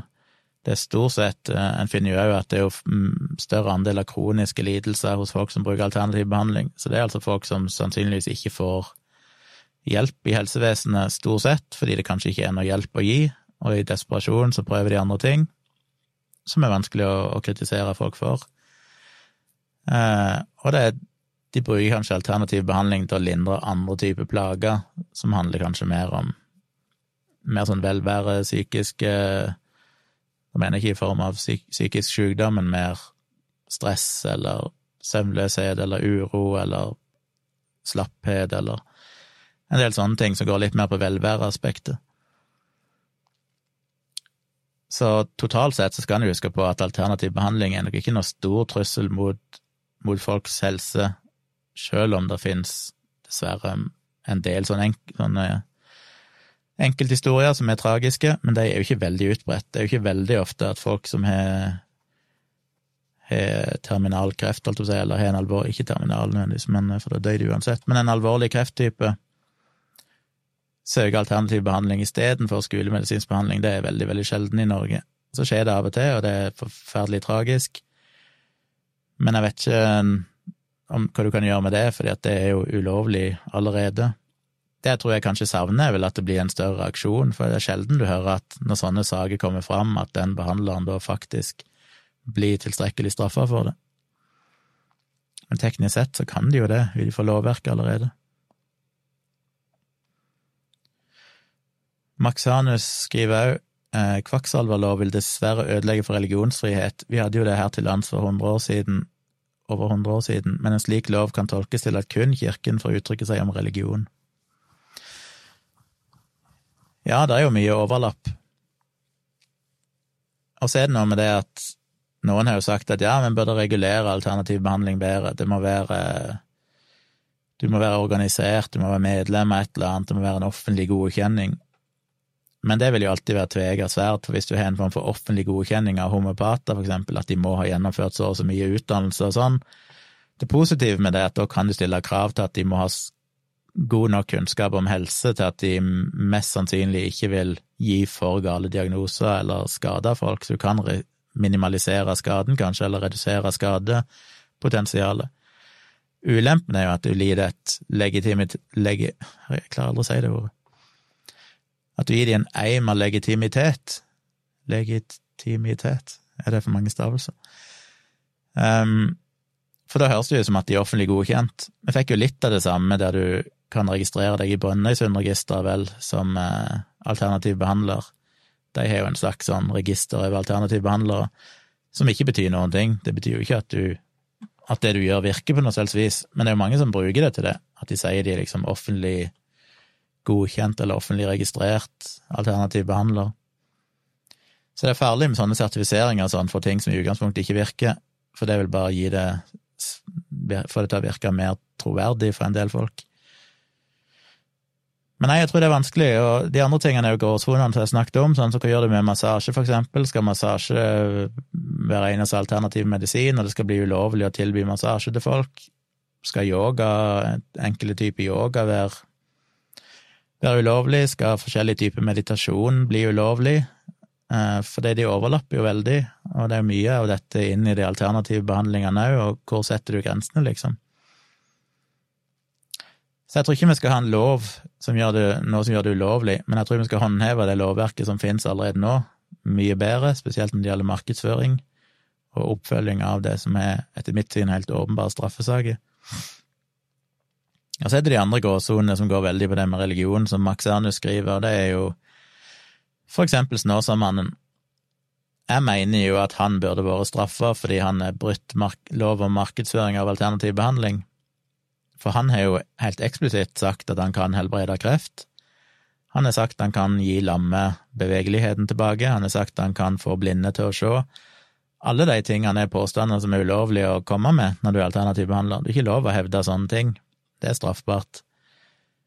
Men han slipper unna av to grunner. Det ene er at han er tilsynelatende ikke en kommersiell virksomhet, som jeg tror gjør at uh, få gidder å følge og gjøre noe med det. Selv om han helt åpenbart er en kommersiell virksomhet, det er bare at så lenge han later som han ikke er det, så betaler han ingen skatt av det og sånne ting, så han har jo jobba svart i tillegg i 50-60 år, som jeg mener at skatteetaten burde ha sett på, for han må jo nødvendigvis ha tjent noen millioner på dette, fordi alle vet jo at folk la igjen penger hos han hver gang de var hos han. Eh, og gudene vet hvor de pengene er blitt av, de er vel neppe ført i noen selvangivelse eller næringsoppgave. Eh, og det andre er at han sier jo at han ikke helbreder folk, men at han er bare et redskap for Gud. Og da er du plutselig over i religion. Så hvordan stopper du det?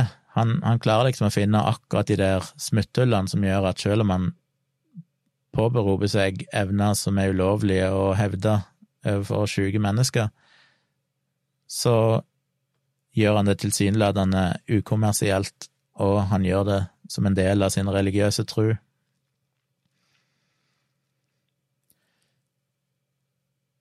Så det er vanskelig. Det er et rodete felt.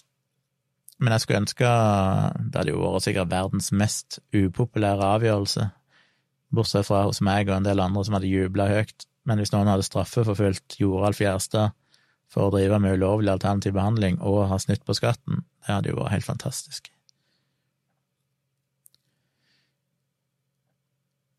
Ja, Lilleland legepsykolog i kveld, hvordan går det med deg, Gunnar, hvordan vil du beskrive din fysiske og psykiske tilværelse i disse dager, kjenner du noen som sliter i disse koronatider? Det er vel egentlig stort sett svart på, men uh, ja, jeg kjenner enkelte som sliter i disse koronatider dessverre. Det er jo en del ting der folk som allerede har det vanskelig, så blir det enda vanskeligere, selvfølgelig, når du ikke kan ha den kontakten og oppfølgingen som en hadde trengt. Anomi skriver ja, synes det ofte er vanskelig å vite at folk faktisk tror på det de hevder, nettopp fordi det er så fjernt. Et annet eksempel er mye av det Trump kommer med. Han kan jo åpenbart ha et motiv når han hevder at det har vært valgfusk, men kan det være at han faktisk tror på det sjøl? Jeg syns jo det er vanskelig når det gjelder Trump, å vite hva han faktisk tror på, og hva han bare sier fordi at det er taktisk lurt overfor sine kjernevelgere. Jeg vil nok tro det er litt sånn blanding, men jeg tror nok han er et eksempel på en person som har såpass mye ja-mennesker rundt seg, og har alltid hatt det sånn, at jeg tror det er vanskelig for han å tvile på en idé han får i hodet.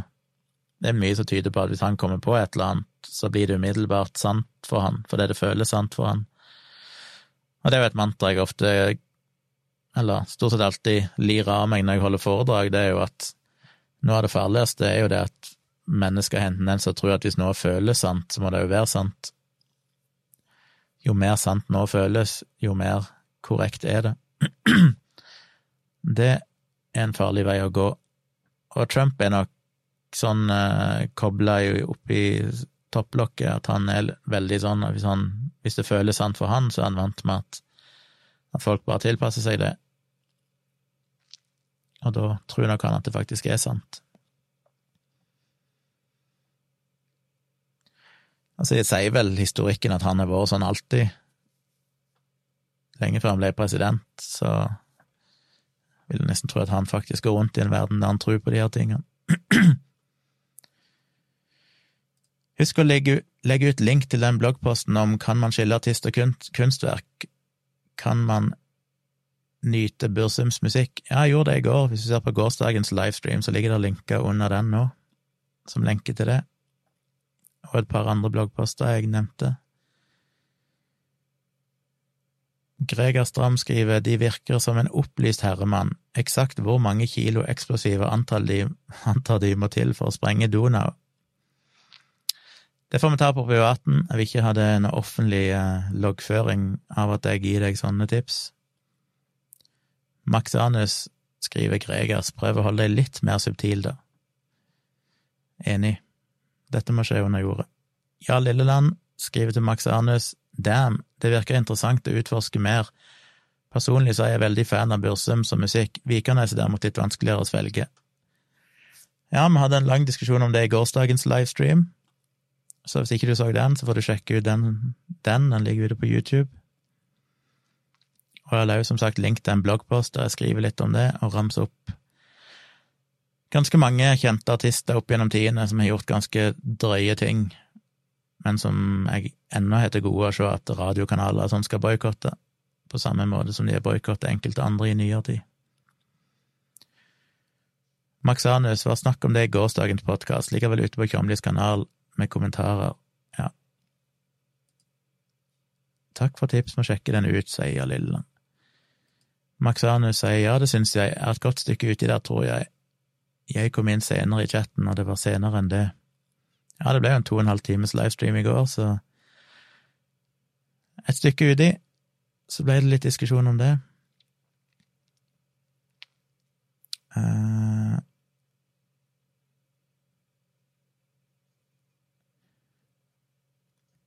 Anomi skriver i Tyskland blir jo faktisk homopati og alternativ behandling dekka av trygdeordninger og forsikringer. Tror det samme gjelder Luxembourg. Ja, det er mulig. Det har vært mye fram og tilbake der. Sveits er jo iallfall eh, De fikk jo Hvordan var den historikken? De fikk jo De hadde jo først en studie, eller flere studier, vel, der de skulle gjøre en sånn offentlig gransking av om homopatiet virka eller ikke, for å vurdere om de skulle dekke det via offentlige helse... Eh, eller sånn trygdeordninger. Og den vitenskapelige rapporten der var vel negativ, sa at dette funker ikke. Men så oppnevnte de vel en ny rapport en ny eh, komité som besto av delvis en del vesentlig mer alternativvennlige folk, som skulle se mer på sånn det pragmatiske aspektet ved det. Om det kunne være samfunnsøkonomisk fornuftig allikevel å tilby alternativ behandling. Og de kom vel til en positiv konklusjon. Og det er jo da blitt brukt av mange homopater sånn i ettertid som at Sveits har granska dette, og de kom fram til at homopati virker. Det gjorde de jo på ingen selvs måte. Um, men jeg vet ikke helt hva status er der nå. England eller Storbritannia gjorde det samme her for noen år siden, og de hadde jo en knusende negativ eh, konklusjon da de kalte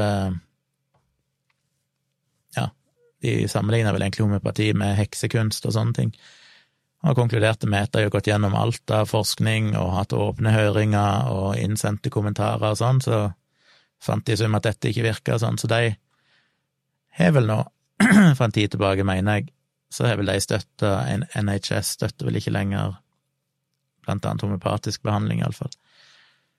Selv om de har vel en, fortsatt enkelte homeopatiske sykehus i England. Um, så ja, det finnes jo litt sånn i forskjellige land. I Frankrike så er det jo en ganske betydelig andel.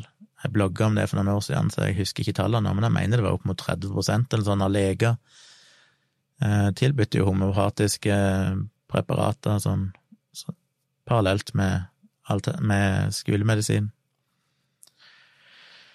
Og det tror jeg handler ikke om at det virker, men jeg tror det handler mye om at eh, for en del pasienter så tenker de at det er kanskje en grei placebo å gi, pluss at det er sikkert vært ganske kraftig lobbyvirksomhet og markedsføring i Frankrike, for der finnes vel verdens største homopatiske produsent, Boiron. Så jeg vil nok tro at det har en ganske stor betydning akkurat der.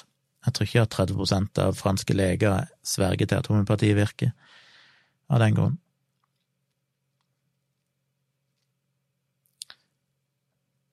Hengedi skriver jeg syns dette virker litt planlagt av Trump, han forsto sikkert at han antagelig ikke ville vinne valget. Helsemyndigheten gikk jo ut med at folk burde stemme over post på grunn av covid. Trump gikk da ut med at hans supportere burde stemme ved valglokalene. Dette førte jo til at poststemmene ble overveldende flertall for Biden, og når det da ble såpass tett eh, som det ble, så prøver Trump seg med valgfusk. Det henger de i sin lille konspirasjonsteori. Ja, det har vi jo snakket om tidligere. Jeg tror nok òg at det var veldig planlagt, fordi han sa jo det allerede flere uker før valget, så begynte han jo å varme opp velgerne sine til den ideen om at eneste måten han kunne tape på, det var hvis de juksa. Så allerede lenge før valget så hadde jo han bestemt seg for at det var liksom strategien hans, og det gjennomførte han jo. Um,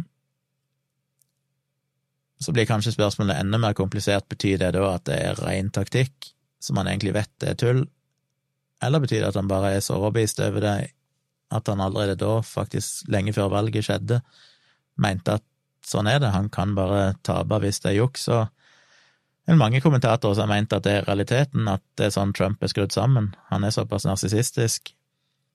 Og har vært omgitt av så mye ja-mennesker eh, i sitt liv at jeg vil ikke forundre meg om han faktisk tror det, at det er teknisk umulig for han å tape. Og at hvis han taper, så må det være juks, så Det er vanskelig å si, det blir jo bare spekulasjoner, men jeg tror ikke det er helt urimelig å anta at han faktisk mener det helt seriøst. Anomi skriver har hørt at en del fastleger i Tyskland også anbefaler homopati. Frankrike tror jeg skal slutte gi offentlig støtte til homopati nå. Ja, det stemmer vel det, at det har vært noe og det går jo sånn i alle. Australia har vel òg hatt gjennomganger, det Canada mener jeg har hatt gjennomgang.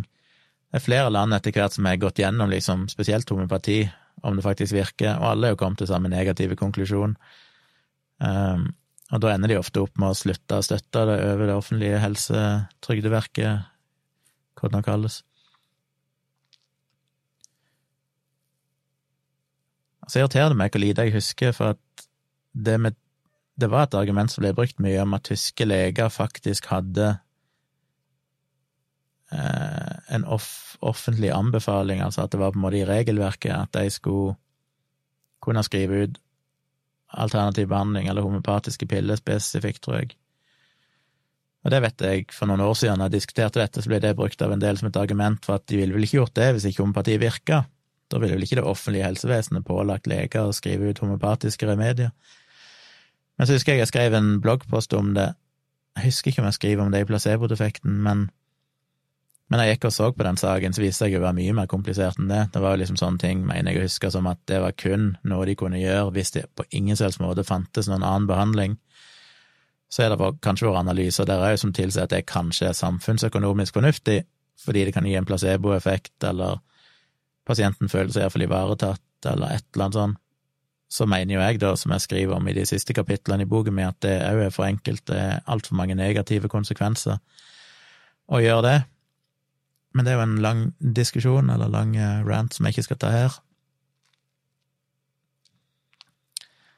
Ja Lilleland spør om jeg er fornøyd med Big Sur. Det er altså den nye versjonen til Mac, eller MacOS, Mac-operativsystemet.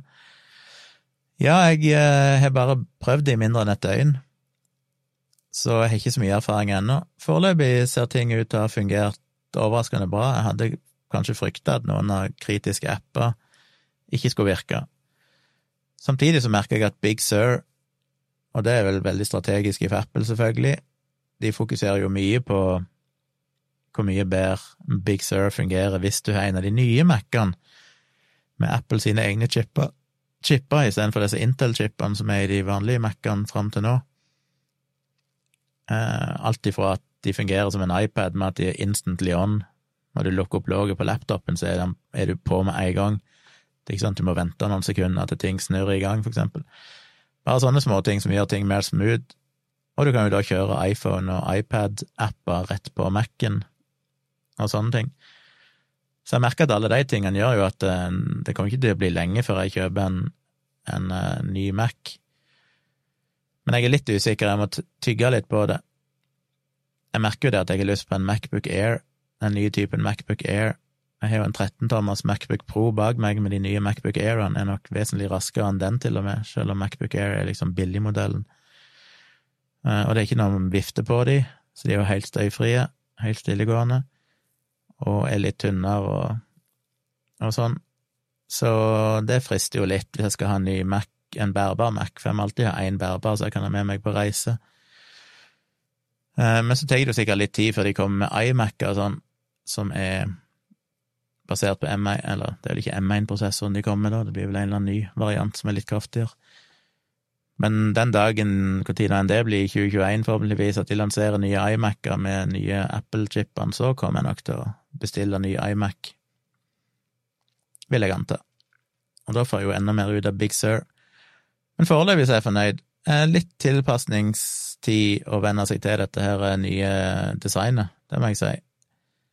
Jeg er jo alltid veldig positiv til store endringer, jeg syns det alltid er kult, men eh, det blir nok bedre over tid når òg alle tredjepartsapper og sånn tilpasser seg, for det finnes jo noen andre apper nå som jeg bruker som kanskje skurrer litt med det nye designet, og alt er ikke helt smooth, og det, det er litt sånn krever litt tilvenning på enkelte ting.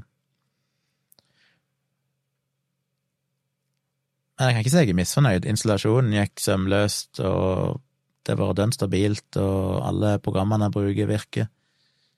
Det eneste programmet jeg merker sliter litt, er at jeg bruker et program som heter Soundsource,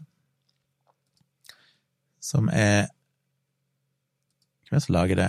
Det er Rogue Amoeba, som jeg har hatt en del programmer av opp gjennom årene. Hijack, Audio Hijack og noe sånt greier de hadde vel tidligere og sånn. Men Soundsource er en liten program som kjører opp i menylinja mi, som gjør at jeg kan styre bruke equalizer og styre alle lydinnganger og utganger separat fra hverandre, og kan sette egne volumer på forskjellige applikasjoner, så jeg kan si at lyd fra Firefox skal ha lavere lyd enn lyd fra Spotify, eller sånne ting. Eh, den versjonen jeg har nå, skal teknisk sett fungere med Big Sur, men de sier at den er ikke 100% kompatibel. Og han ser ut til å virke og gjøre jobben sin, men jeg merker at uh, han bruker veldig mye ressurser. Den står på toppen her i av, den, eh, av de prosessene som bruker mest CPU akkurat nå. Og vifta på iMac-en min går hele tida, selv om jeg ikke gjør noe veldig krevende. Så det er tydelig at det er noe bug i Soundsource, så de må komme med en oppdatering fort som kan fikse det. Så enkelte sånne ting vil det jo være, men det er jo ikke teknisk sett et Apple-problem, det er jo tredjepartsprogrammer som bare ikke har fått fingeren ut og fiksa ting tidsnok.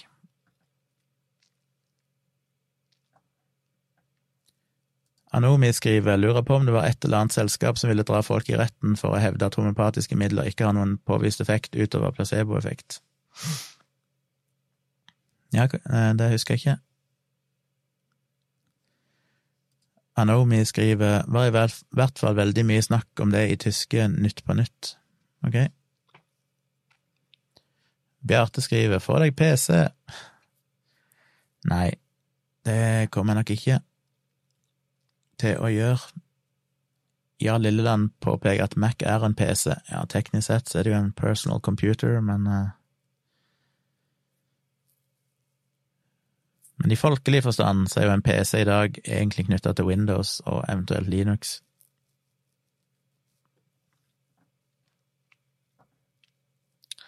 Kjør på med spørsmål eh, og kommentarer, folkens. Jeg eh, Jeg vil gjerne at dette skal være en eh, At dere òg skal diskutere ting. Jeg sitter ikke på noe fasitsvar her, så det er hyggelig å høre hva dere mener om forskjellige ting. Ikke nødvendigvis bare spørsmål, men òg kom gjerne med svar til andre sine spørsmål, som vi alle kan lære litt av og diskutere. Nei, jeg vil ikke ha PC, og det jeg jo snakka om flere ganger nå i livestreamen. Eh, jeg har jo brukt PC faktisk lenger enn jeg har brukt eh, Mac ennå. Jeg brukte jo PC fra 1989, fikk jeg vel min første 286, fram til 2005-2006 eller noe sånt. Og så har jeg brukt Mac etter det. Men jeg er jo borti PC i ny og ne i support, IT-support-sammenheng og sånn, selv om det blir sjeldnere og sjeldnere, for vi driver veldig lite med det nå til dags. Santamann skriver håpet å se deg i debatten i går. Ja det var gøy å blitt spurt. Jeg føler jo at jeg eh, har noen ting å si om det temaet de diskuterte. Men sånn ble det ikke. Jeg føler jo jeg har skrevet mye om det og snakka mye om det, men uh, tydeligvis ikke i de rette kanalene til at det ble lagt merke til av de rette folka.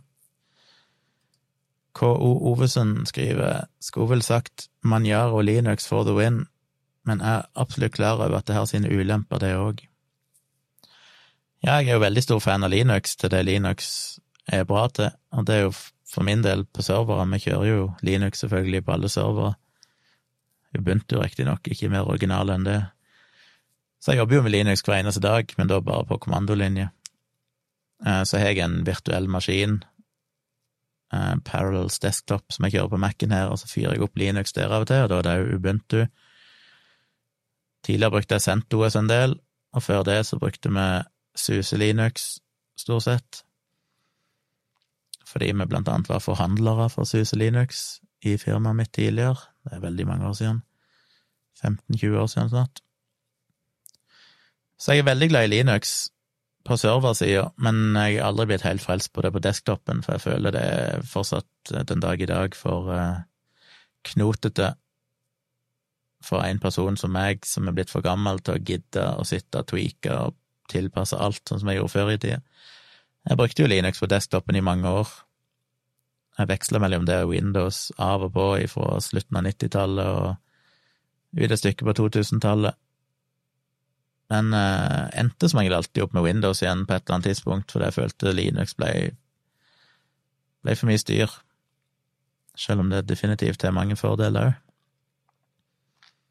Men etter så mange år så mener jeg fortsatt at de ikke de har klart å lage Linux til et operativsystem som eh, folk flest kan bruke på samme måte som Mac og Windows har klart det. Dessverre. Det funker jo helt greit, du skal gjøre helt enkle ting. Skal du bare, mener, skal du sette opp en maskin til en eller annen dude som bare trenger det til basic internettbruk, så kan du selvfølgelig sette opp en Linux. Veldig greit. Men uh, med en gang du skal gjøre litt mer avanserte ting, så blir det så veldig mye mer avansert ofte med Linux enn det det trenger å være. Anomi skriver at Windows 10 er generelt sett generelt ikke noe jeg ville anbefalt til folk som drømmer om å ha et privatliv. Nei, jeg syns jo det er en styrke, som jeg har sagt mange ganger tidligere, med Apple-produkter og for så vidt Linux. Det er jo personvern-sida av det. Ja, Lilleland spør, har du sett Facebook-gruppen Stopp lockdown, følg gjenåpning av Norge nå? Ja, jeg har sett den og snakka litt om det. Jeg ble jo invitert inn i den gruppa av en Facebook-venn som jeg skjønte etter hvert at jeg ikke egentlig burde være venn med. Jeg tror jeg avvenna henne til slutt, for jeg har aldri sett så mye piss blitt posta før. Um, men uh, jeg har ikke vært i gruppa, men fordi jeg ble invitert til den, så begynte jo Facebook å og putte inn noen av postene fra den gruppa i feeden min, som de tydeligvis gjør, for hvis du er blitt invitert til ei gruppe, så skal de på en måte holde deg påminnet om at den gruppa er der, og dette er det som skjer, og du må ta en avgjørelse. For jeg svarte ikke nei, jeg bare liksom lot være å svare på invitasjonen.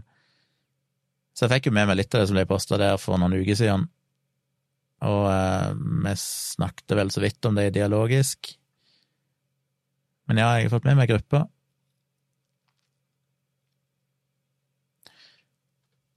Um,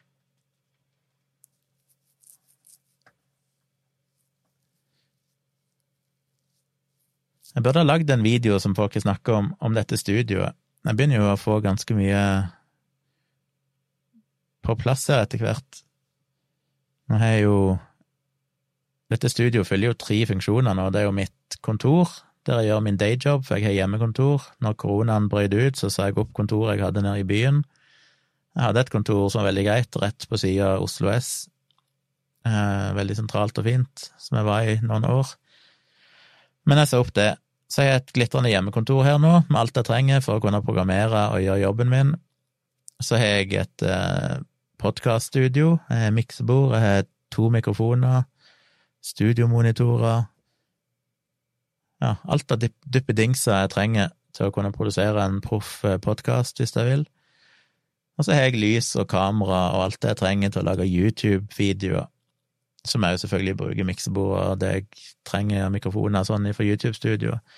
Jeg har jo disse mikrofonene, jeg har en del andre mikrofoner som jeg har samla opp opp gjennom årene. Jeg har en, en håndfull med SM58 og noen kondensatormikrofoner sånn som ligger i skapet her, men de bruker jeg veldig sjelden. Jeg har en fotoprinter bak meg her, så jeg kan printe ut ganske store høykvalitetsbilder som jeg kan eh, gi eller selge til folk. Jeg har jo behandla rommet her akustisk, med masse paneler på veggene og teppe på gulvet og skumgummi på alle flater og sånn. En bassfanger i hjørnet her, så det er veldig dødt og fint rom. Plate som henger oppi taket her, som demper lyden. Ja, så det er ganske bra studio etter hvert, det må jeg si. Det er vel veldig lite jeg savner her inne nå, om noen ting. Det er vel ingenting jeg mangler som gjør at jeg kan ha en unnskyldning for ikke å få gjort den jobben jeg trenger å få gjort, som det var en en god stund, men akkurat nå er jeg jo der at jeg føler jeg vil egentlig ha alt jeg trenger. Så jeg har en litt sånn, eh, for de som er veldig teknisk interesserte, så må jeg få lagd en video en dag der jeg går litt mer detaljert gjennom oppsettet mitt. Og det har vært mye ommøbleringer her inne da jeg prøver å finne ut hvordan ting skal fungere, for det er et veldig lite kontor, det er kanskje 10-12 kvadrat, så det er mye som er inne på et så lite rom. Så en eller annen dag i framtida om noen år, kanskje, hvis jeg fortsatt driver med disse tingene, fått meg en stor patronskare som gjør at jeg kan kanskje leve av å, å gjøre sånt, så håper jeg jo å få et uh, større lokale, enten i en ny leilighet eller hus, oi, sorry, eller at jeg kan rett og slett leie meg et rom, for det eneste jeg mangler, er fotostudio. Jeg skulle gjerne hatt en del mer kvadratmeter, så jeg kunne hatt et, en avdeling der jeg kunne tatt um, studiobilder av folk. Det drømmer jeg om. Det er et lokale rett borti gata her, holdt jeg på som står tomt, som er, ligger ute på finn.no til leie. Det er et butikklokale som er sånn jeg drømmer om å ha. Det er skikkelig svært. Det hadde vært stort nok til at jeg kunne hatt fotostudio, YouTube-studio, podkaststudio, kontor, og Tone kunne ha brukt det òg til sine ting. Men jeg er nok ikke økonomien til å leie et sånt lokale per nå, men kanskje i framtida. Det er liksom drømmen min. Men akkurat nå er jeg jo veldig fornøyd med, med det rommet jeg er her, med de begrensningene det har rent sånn fysisk i størrelse.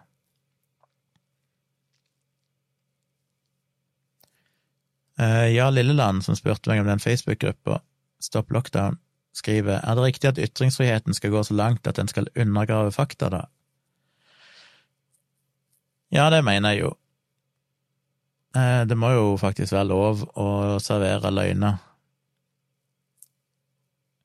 Så lenge en er en vanlig person, holdt jeg på å si. Det bør jo ha konsekvenser hvis du er i enkelte stillinger der en må forvente sannhet, men eh, for vanlige folk så mener jeg jo at det må være lov. Både fordi det er jo litt av greia med ytringsfriheten, men òg at uh, det er lett å på en måte forby de ekstreme løgnene. Jeg kunne sagt ja, men de har ingen nytte for samfunnet, for det er åpenbare løgner. Ja, ok, greit. Men så begynner du, da har du satt ei grense, så begynner du å se på det som er innenfor den grensa igjen. Hvor, hvor, hvor, setter du liksom den endelige grensa for når noe er definitivt løgn? For det er jo definitivt ting opp gjennom historien som folk flest har sett på som ren bullshit, og som har vist seg å være sant. Um, det vil jo kanskje gjøre det vanskelig å drive med forskning og sånne ting òg, for at du kan komme med banebrytende ideer som folk som du ikke er lov å ytre. Fordi det strider mot alt vi aksepterer som sant, og så viser det seg at det faktisk er sant.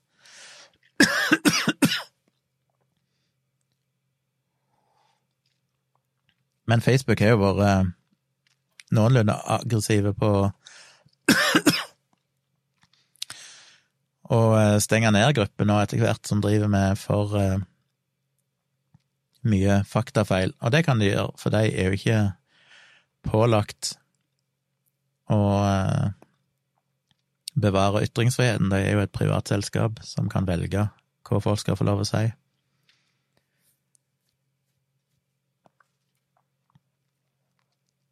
Christian skriver prøvde Manjaro Gnome her om dagen. Eh, virker veldig polert og brukervennlig. Hvordan mener du Linux kompliserer ting? Bruker personlig Manjaro med KDE Plasma, som er litt mindre polert. Nå er, nå, nå er det mange år siden, som sagt, jeg har brukt Linux på desktopen som eh, min daily driver, holdt jeg på å si. Så jeg skal ikke uttale meg med for mye tyngde, og det er jo definitivt skjedd forbedringer.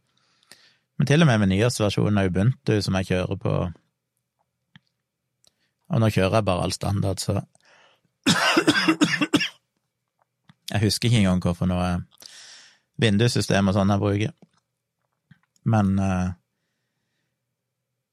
det er bare ting uh, Bare designet syns jeg ser litt 80-talls ut fortsatt. Og jeg merker det når jeg skal sette opp ting og konfigurere desktopen og innstillinger og sånn, så merker jeg at det er mye som er knotete å få gjort. Bare det å få installert riktig språk, få norske tegn til å virke, er jo slitt. Men helt clean install av Ubuntu, så må jeg fortsatt tweake ganske mye før jeg får norsk tastatur til å virke, og, og sånne ting. Hver gang jeg reinstallerer den virtuelle Linux-boksen min, så må jeg inn og gjøre innstillinger for å få den til å takle norske tegn og sånn. Og sjøl etter jeg har fått den til å takle norske tegn, så er det enkelte taster på det Mac-tastaturet mitt som man ikke plasserer riktig. Det er som sånne små friksjoner som det, som bare gjør at uh, sånn burde det ikke være. Men det er klart, hvis du har akkurat litt mer engasjement, som for så vidt jeg har, til at jeg kan gå inn og fikse de tingene, så kan en jo få det til å funke bra. Men jeg må selvfølgelig huske at de aller fleste folk som installerer Linux, hvis de oppdager at jeg òg ikke virker, så stopper det der. Da kommer de ikke videre. Og det, derfor mener jeg at det er litt for for tungvint. Og jeg mener ikke at ikke Linux får norske tegn på tastatur til å virke, det gjør det sikkert i veldig mange versjoner, men den der Ubuntuen som jeg har lasta ned til Parallels, Parallels desktop, og med, med mitt Mac-tastatur i en virtuell maskin, som riktignok er en litt ukonvensjonell kombinasjon, så fungerer det iallfall ikke out of the box. Men det er jo andre ting, jeg kan ikke huske i farten, men jeg vet bare hver gang jeg må reinstallere det, så så bruker jeg en del tid, mens når du fyrer opp en Mac og reinstallerer en Mac første gang, så er jo basically ting i orden. Anomi skriver jeg er veldig fornøyd med Fedora, som jeg tror bruker standard Gnome. Veldig fint og intuitivt. Problemet jeg ser med Linux, er at det ofte er et eller annet som roter seg til med hver eneste update. Ja, det er jo et problem. Jeg har vel ennå til gode å gjøre en skikkelig sånn versjonsoppgradering av for eksempel Ubuntu, uten at ting blir fucka som er litt tragisk, for de takler jo Linux, nei, Windows og Mac temmelig sømløst hver eneste gang. Så å gjøre sånne inkrementelle oppgraderinger alt si, innenfor versjonsnummeret fungerer greit. For meg når de skal opp på en ny major release, så, så blir det tull. Men som sagt, ting er nok mye bedre nå enn det var når jeg brukte det før, men jeg husker når jeg brukte det tidlig 2000-tallet, da kunne jeg jo slite med at jeg måtte inn og redigere i masse config-filer for å få grafikkortet til å omsider fungere, for eksempel. Ja, det er jo sånn, det burde jo fungere av seg sjøl, men de tingene har nok blitt vesentlig bedre nå, 15 år seinere. Anomi skriver nå er jeg glad i å leke med sånt, da, og så er ikke alle alternativene til programmene folk er vant til, like bra. Kommer aldri til å bli venn med Gimp, uansett hvor ofte folk hevder at det er like bra som Photoshop. Nei, grøss og gru. Jeg òg lot meg eh, overbevise i gamle dager om at Gimp det var jo like bra som Photoshop, men herregud, jeg hater Gimp. Det er noe av det verste jeg var borti.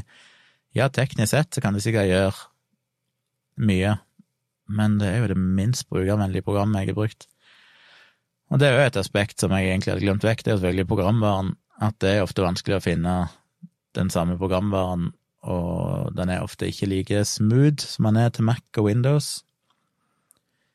Um, jeg ser ikke helt fordelene med Linux kontra en Mac, for eksempel. Jeg kan skjønne fordelen med Linux kontra Windows, men ved en Mac så kan du jo i stor grad kjøre veldig mye av de programmene, eller du finner Du finner liksom ports av sinnssykt mye av sånn Linux-spesifikke ting kan du kjøre på Mac-en. Og så får du alle fordelene av Mac, og så har du på en måte Linux i bunnen. Kan fyre opp et terminalvindu når som helst, og så er du basically i, i Linux. Så det er det jeg elsker med Mac, at den har gitt meg det beste av begge verdener. både liksom si Windows sine fordeler, men òg Linux sine muligheter.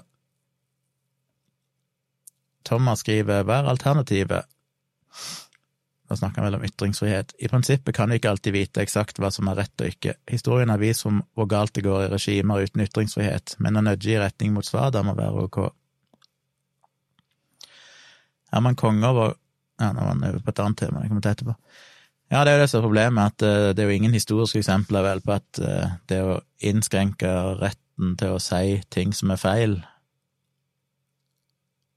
har endt så veldig bra. Men det er vanskelig allikevel. Det er vanskelig å leve i et samfunn med ytringsfrihet, for det, uh, er ikke noe tvil om at det skader mange mennesker. Men en må liksom bare alltid huske at sannsynligvis er alternativet verre. Thomas skriver videre, er man konge over kommandolinjen, er sikkert Linux supert, dessverre er de fleste av oss ikke det, skulle virkelig ønske jeg var smart nok til å bruke Linux. Ja, altså, du klarer det jo fint med Linux i dag, uten å, måtte, uten å bruke kommandolinja, men uh, så lenge alt går bra. Men hvis noe plutselig havarerer, så må en jo ofte inn på kommandolinja. Hurdur Media skriver Endeavor OS. Aldri hørt om, men ja. Gnome blir nok å finne på Linux-baserte touch-enheter i relativt nær fremtid. 3,36 er ganske sweet allerede. Her er det høy nerdefaktor. Anomi skriver fordelen med Linux versus Mac er nok prisen. Ja, det er det er klart, selv om MacOS teknisk sett er gratis, bare at du må ha en Mac å kjøre det på. Kommer an på hva du skal bruke det til, men det finnes distroer du kan kjøre på de mest utdaterte PC-ene. Ja, Linux kjører jo på alt, så det er jo fordelen med Linux. Og teknisk sett så er det jo folk som lager Som klarer å få Mac til å kjøre på PC-maskinen vår òg. Det er jo folk som kjører sånne PC-Mac-er. Men det blir jo litt som Linux igjen, at det krever jo mye knoting, og hver gang det er en oppgradering, så risikerer du at alt havarerer og sånn, så det er jo ikke en anbefalt løsning, med mindre du er veldig nerdete og vil ha MacOS, men nekter å bruke Mac sin hardware, eller Apple sin hardware. Så jeg vet ikke jeg om om prisen Det blir litt som med telefoner, jeg mener Android er gratis, og derfor er Android-mobiler teknisk sett billigere, men de er jo ikke det, for det er jo hardwaren du betaler for, og samme er det jo med en iPhone. IOS er jo gratis, du betaler jo ingenting ekstra for operativsystemet, men du må ha iPhonen til å kjøre det. Jeg vet ikke om folk lenger tenker på prisen operativsystem. Jeg vet ikke at det fungerer i Windows-verden. Er Windows noe du faktisk fortsatt kjøper og betaler for? Du gjør kanskje det? Eller har de abonnementsordning, sånn som de har med Office og sånn? Jeg aner ikke. Men Mac er jo alltid vært gratis, og det følger med. Det, det husker jeg da jeg begynte å bruke Mac. En av de tingene jeg elska med Apple, var at etter å ha brukt Windows i ja, godt og vel 15 år. Det å holde styr på alle lisenskodene til operativsystemet, det å ha Windows XB-CD, Windows 95-CD, og så hver gang du skulle reinstallere, som jeg gjorde relativt ofte, så måtte du taste inn den lange eh, lisenskoden. Og så kjøpte jeg en Mac, og så oppdaget jeg at Mac-en kom jo med på en CD uten at det var noen lisenskode. Og programvaren som fulgte med av Office-programvare og alt mulig til Mac-en, det var bare gratis. Det var bare å installere, kunne installere og bruke samme CD-en på alle Mac-ene dine, og alle som ville ha det programmet, kunne basically få det. Som sjokkerte meg, så jeg bare tenkte at dette er en mye mer fornuftig løsning. Og den dag i dag så er jo praktisk talt det meste av Apple-programmer gratis. Du får jo full pakke med Office-programvare og GarageBand, som er en habil eh, musikkprogram, og du får eh, iMovie, og du får Photos til å redigere bilder, og du får liksom sånn grunnleggende programvare som er mer enn godt nok for de fleste, helt gratis med Mac-en, og det er jo ganske unikt. Du får jo, sammenlignet med Windows, så får du jo programvare verdt ganske mange tusen, bare levert med Mac-en, og begynner å trekke det ifra prisen av hardwaren, så begynner du jo egentlig å få en ganske god deal sammenlignet med å kjøpe en Windows-maskin, og så måtte kjøpe lisens på alle programvarene i tillegg.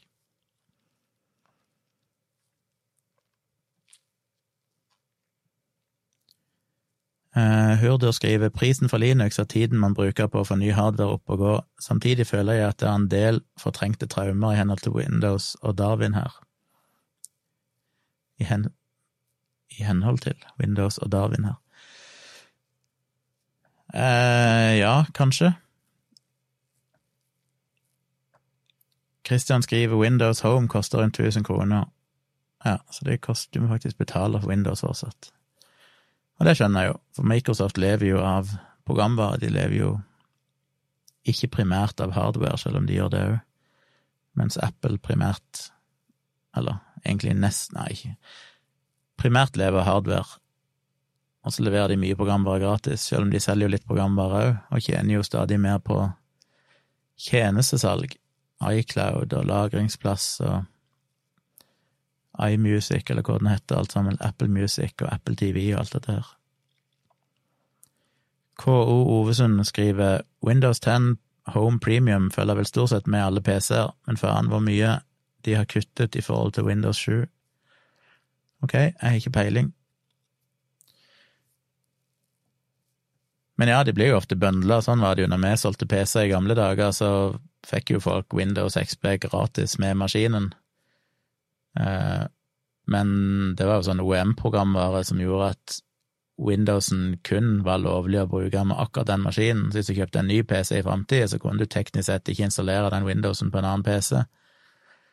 Og mye sånne begrensninger som selvfølgelig folk stort sett dreide i, og, men sånn lovlig-messig så var jo, var jo, den bare gratis i den forstand at den fulgte med akkurat den spesifikke hardwaren.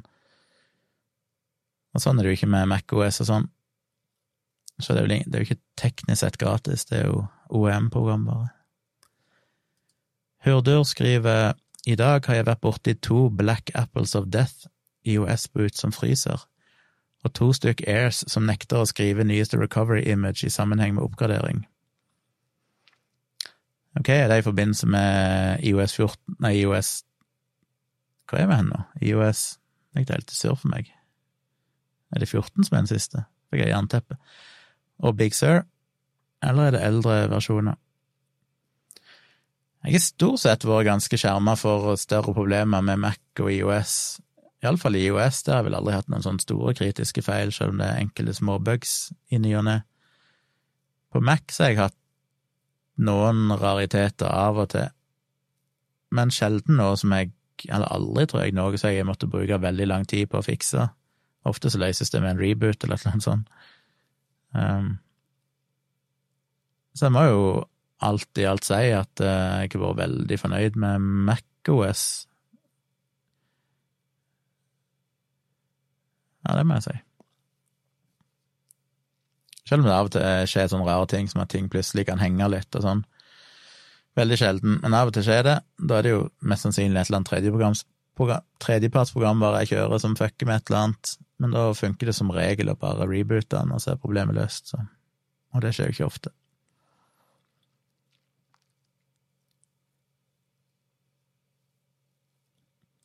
Bjarte skriver hvis du skal kjøpe ny maskin, så får du en ny lisens. Ja, kanskje, men det er ikke bare knytta til maskinen, men det er jo knytta til komponentene, så du kunne jo teknisk sett ikke bytte ut grafikkortet ditt, for eksempel. Da har du egentlig brutt lisensbetingelsene til den Windows-versjonen du har. Det tror jeg ikke så mange egentlig brydde seg om eller tenkte på, men uh, strengt tatt så var jo den Windowsen bare gratis hvis ikke du gjorde noen endringer på maskinen din. Hvis jeg husker rett.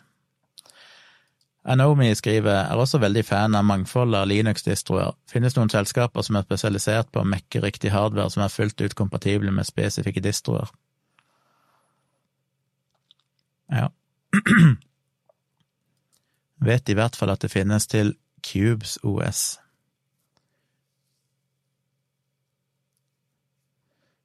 Um, det minte meg på nå, men jeg husker ikke nok om dette. Vi hadde noen av de første når vi starta mitt første selskap, Sirkon AS, og fant ut vi skulle drive med webposting, så kjøpte vi en dings som var Dette var i år 2000, og til å være år 2000 så var han veldig futuristisk. han heter Cube. Hva det heter Rack? RAQ, eller noe sånt, det er merket, tror jeg. Og så kunne du få De leverte forskjellige typer servere som du fikk ferdig installert med program, med basically Linux, men med et sånn grensesnitt som gjorde at du kunne sette opp webposting og mail og all slags tjenester, som var veldig, veldig lett å sette opp i et intranett, for eksempel. Men de hadde jo en, en sånn helt kubisk eh, boks som var omtrent bare så stor, så jeg husker rett, eller var den større? Jeg husker ikke helt. Relativt liten, iallfall, bare en firkanta boks, og så var den i sånn blå plastikk med noen sånn lys under, sånn at den gløda i sånn blått skimmer. Og den var helt sånn plug and play. Når du fikk den, så det bare plugga i nettverkskabel og strømkabel og buta den opp. Og så fiksa den. Den kunne være filserver for deg, den kunne være alt mulig rart. Mailserver, webserver. Og den husker jeg, og så endte vi vel egentlig aldri opp med å bruke den, fordi vi veldig fort begynte å sette oss opp server, opp våre egne servere istedenfor. Og vi har jo fortsatt et serverrom på Tonstad i noe som for Fokusbygget, der vi hadde kontor når vi starta, som er et gammelt banklokale. Det er ikke vår bank der på eh, 25-30 år. Men et uh, selskap som kaller seg Fokus næringsselskap, overtok det bygget og leier ut kontor og sånn til forskjellige firmaer. Og vi leide kontor der. Og i kjelleren så hadde de både et bankhvelv, og så hadde de et bomberom i den tid det var påbudt å ha et sånt bomberom. Uh, og det er jo tjukke, sånn halvmeter tjukke betongvegger og alt mulig sånn. Og det fikk vi leie, og la antistatisk belegg på gulvet, og malte det og, gjorde det, og fikk inn en sånn sinnssyk strømforsyning. Og har fiber, fastlinje rett inn og sånne ting. Og på det meste så hadde vi temmelig mye rack der inne, som var bare fullstappa av servere. Vi hadde sinnssykt med servere, drev med webposting, hadde jo et par tusen webhotell og domener, i tillegg til lokale tjenester til bedrifter, og vi hosta terminalservere for bedrifter i hele landet.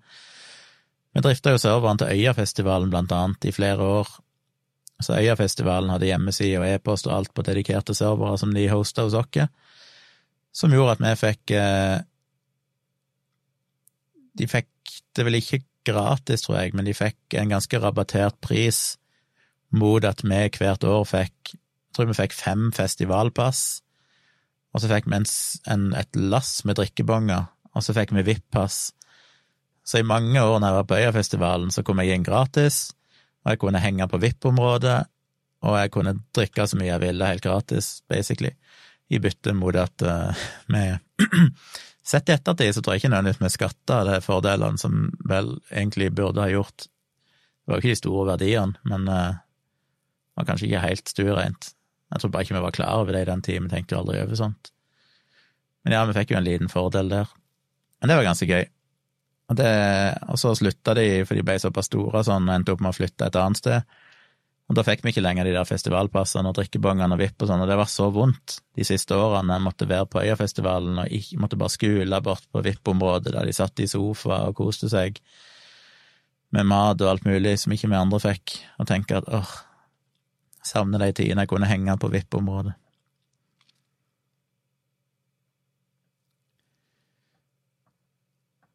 Men ja, vi hadde, og vi har fortsatt serverrommet, men nå har vi vel egentlig bare ett rack stående igjen, som bare er til en del interne tjenester. Og der kjører vi jo bare våre egne Jeg så sett HP-rack. Er så lite jeg har hatt med å gjøre. Jeg merker det hvor mye jeg har glemt. Når vi første ti årene vi drev firma, så jobba jeg jo hele tida. Jeg bygde tonnevis av PC-er og solgte så jeg hadde jo så kontrollen på alt av CPU-er og alt av forskjellige merker, hvilke sokketer som var relevante, og hvilke CPU-er som passa hvor, og, og, kunne bygge PC-er si, med blind for, bind for øynene. Og jeg drev jo hele tiden vedlikehold på servere og sånn, måtte jo stadig vekk åpne servere og bygge nye servere og bytte ut inn disker og minner og masse styr. Men så merka jeg det det begynner å bli en stund siden, men for et par år siden så måtte jeg vel ned på serverrommet på Tonstad og oppgradere noen bokser der, og da merka jeg hvor mye jeg hadde glemt. Og det er så deprimerende, sånne ting som du kan så godt, men så er det gått en del år, og så plutselig begynte jeg å være sånn shit, hvordan er det jeg gjør dette nå igjen? Jeg fikk det jo til, da, for jeg husker det jo til syvende og sist, men jeg syns alltid det er trist med sånne ting som en kan. Det er en av de tingene jeg syns er trist, hvis jeg en dag i framtida skulle skifte jobb eller begynne med noe annet, begynne på heltid med, med folkeopplysning og YouTube og alt dette her, det at det å slutte å programmere, så går det ikke veldig lang tid før du begynner å glemme det. Jeg syns alltid det er kjipt å, å miste sånne evner. Men jeg vet jo det, hvis jeg slutter å programmere i dag, om et år så vil jeg trenge litt tid for å komme inn i det igjen, og har det gått fem år, så vil jeg sikkert være temmelig lost. Og det er kjipt, for det, det føles som en, det er liksom litt deilig når jeg jobber med det hver dag, så føler jeg meg temmelig kompetent og har liksom kontrollen, men en mister jo det evnene ganske fort. Enomi skriver noe av det gøyeste er å kjøre Linux fra minnepenn for å vise folk hvor lett det er å få tilgang til alle filene deres om de ikke krypterer harddisken sin. Ja. That's true. Uh, Men nå begynte det å bli rolig i kommentarfeltet her. Det er fortsatt mange inne og ser, det som er gøy. Det er hyggelig å kunne følge dere i natten. Jeg har fått en ny Patron òg i løpet av praten. Det er jo gøy. Jeg håper jo flere har lyst til å støtte meg inne på Patron. For de som ikke vet hva det er, så er det en helt uforpliktende tjeneste der du kan støtte innholdsskapere og artister og sånne ting med et beløp i måneden, enten bare for støtte, eller òg for å få noe igjen. Hos meg så får du da podkasten her, som ligger som podkast i 130 episoder så langt. Det ligger foredrag som er spilt inn, det ligger lydbøker av bøkene mine. Alt det får du helt eh, med på kjøpet hvis du støtter meg for minimum fem dollar i måneden.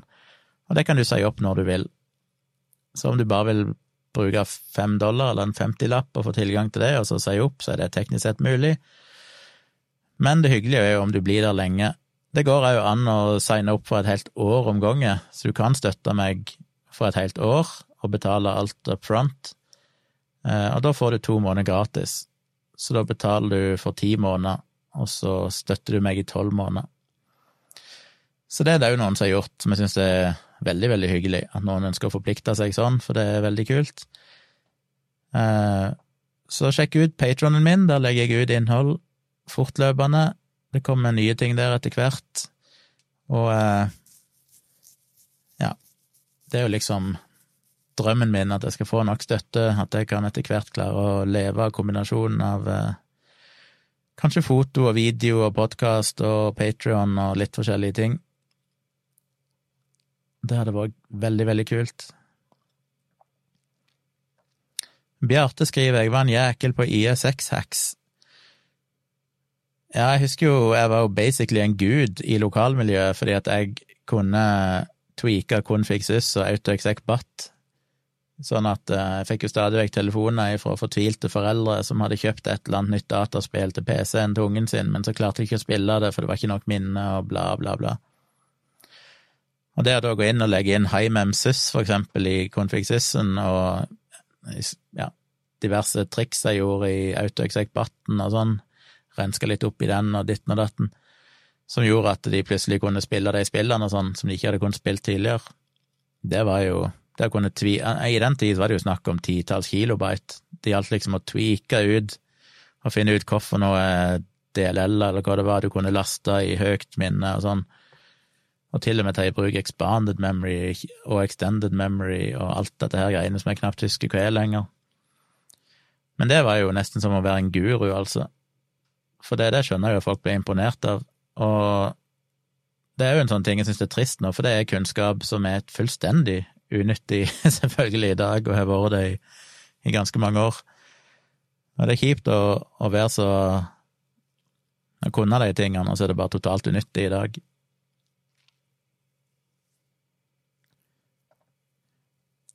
KO Ovesen skriver ti år med VBA og MS SQL gjør stygge ting med gamle C++ og Java-kunnskaper, ja. Men det som betaler huslånet, betaler nå engang huslånet.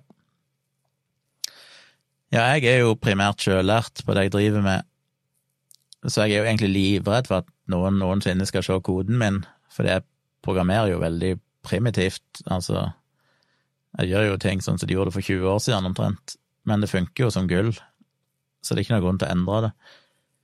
Men eh, det er sikkert ting som kunne vært gjort mer effektivt og sånn, hvis jeg virkelig hadde vilt, men hele, alt om jeg liksom skrevet om alt, og det vil koste så mye tid at det er lite å vinne på det. Men ja, en sitter jo og sliter med gamle, dårlige vaner, sikkert. Men jeg føler jeg beveger meg framover, da. Jeg har jo stadig vekk tatt i bruk nye teknikker, nye måter å gjøre ting på, skrive om kode sånn gradvis, så det blir jo bedre og bedre, selv om det fortsatt ikke er på det nivået, holdt jeg på si, eller den strukturen som jeg måtte hatt hvis jeg skulle jobbe i et stort IT-selskap, vil jeg tro.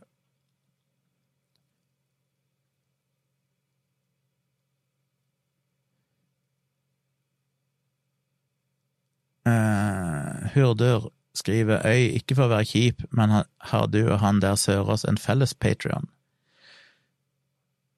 Begynner å bli senil, selvfølgelig har dere det. Nei, det har vi ikke. Vi har hver sin eh, Patrion, helt separat. Litt fordi han starta med Patrion først, til sin egen podkast, og så litt seinere, så et par måneder seinere eller sånn, så starta jeg min, eh, helt uavhengig av dialogisk.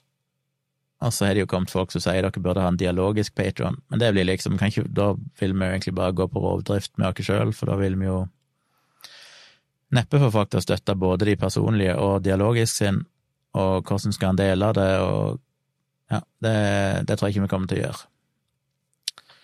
Vi tilbyr jo veldig forskjellige ting inn på Patron og noe, og har litt forskjellig hensikt med dem, på et vis.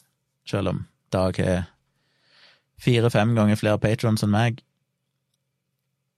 Naturlig nok. Men jeg håper dere vil støtte begge, og gjerne Tone òg, hvis dere vil. Tone er jo sin egen patron på patron.com slash Tone Sabro, der hun òg har podkast eller video av podkaster og litt sånne ting. K.Å. Ovesund skriver he-he, husker det var en jævla jobb og frigjør nok minne til å kjøre C og C. Uh, det burde jeg vite dere. Uh, jeg tenkte bare DND, men uh, C og C, hva er det? Det husker jeg ikke, må minne meg på. På DOS 622. Ja, det minner meg jo på Stacker, er det noen som husker det? Stacker var jo redningen, for når jeg fikk min første PC, så hadde den 40 megabyte harddisk. eh, og etter ei stund så tror jeg jeg oppgraderte til en 120 megabyte harddisk. Men i iallfall et, et år eller to, tror jeg, så hadde jeg bare en 20 eller 40, jeg husker ikke helt, megabyte harddisk. Men så kunne du installere Stacker, som basically komprimerte alle data før de ble skrevet til disk, og dekomprimerte de når de ble lest fra disken. Så det var bare et slags programvare som kjørte mellom operativsystemet, si, og disken. Og i teknisk sett kanskje jo maskinen bitte grann treigere, men jeg tror ikke det egentlig var egentlig merkbart, fordi at eh, du leser data fortere når de tar mindre plass, og den prosesseringstida ble vel kanskje mer enn oppveid av at du kunne lese data raskere ifra disken.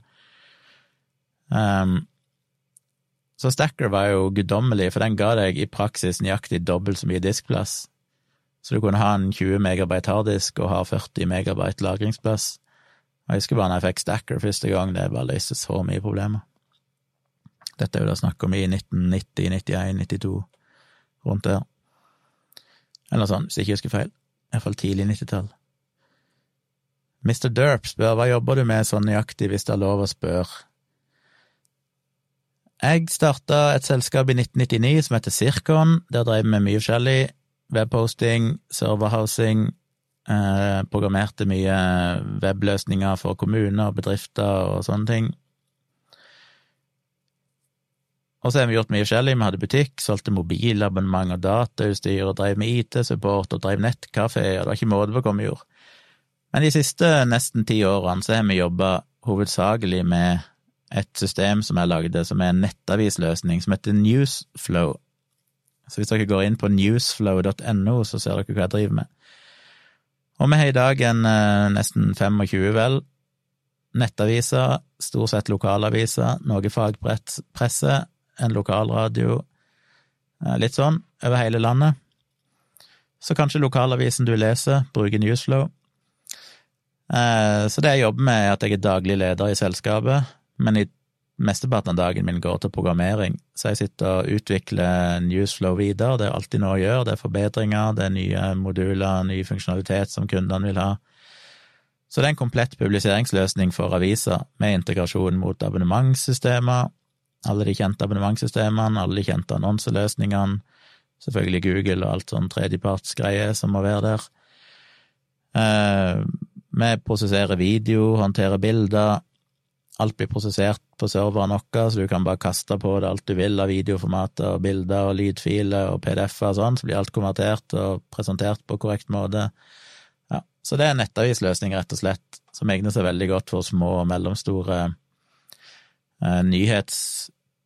Folk som har behov for å publisere primært nyheter, men det er jo brukt av noen lag og foreninger og fagpresse og skoler som bruker det til elevaviser og sånne ting.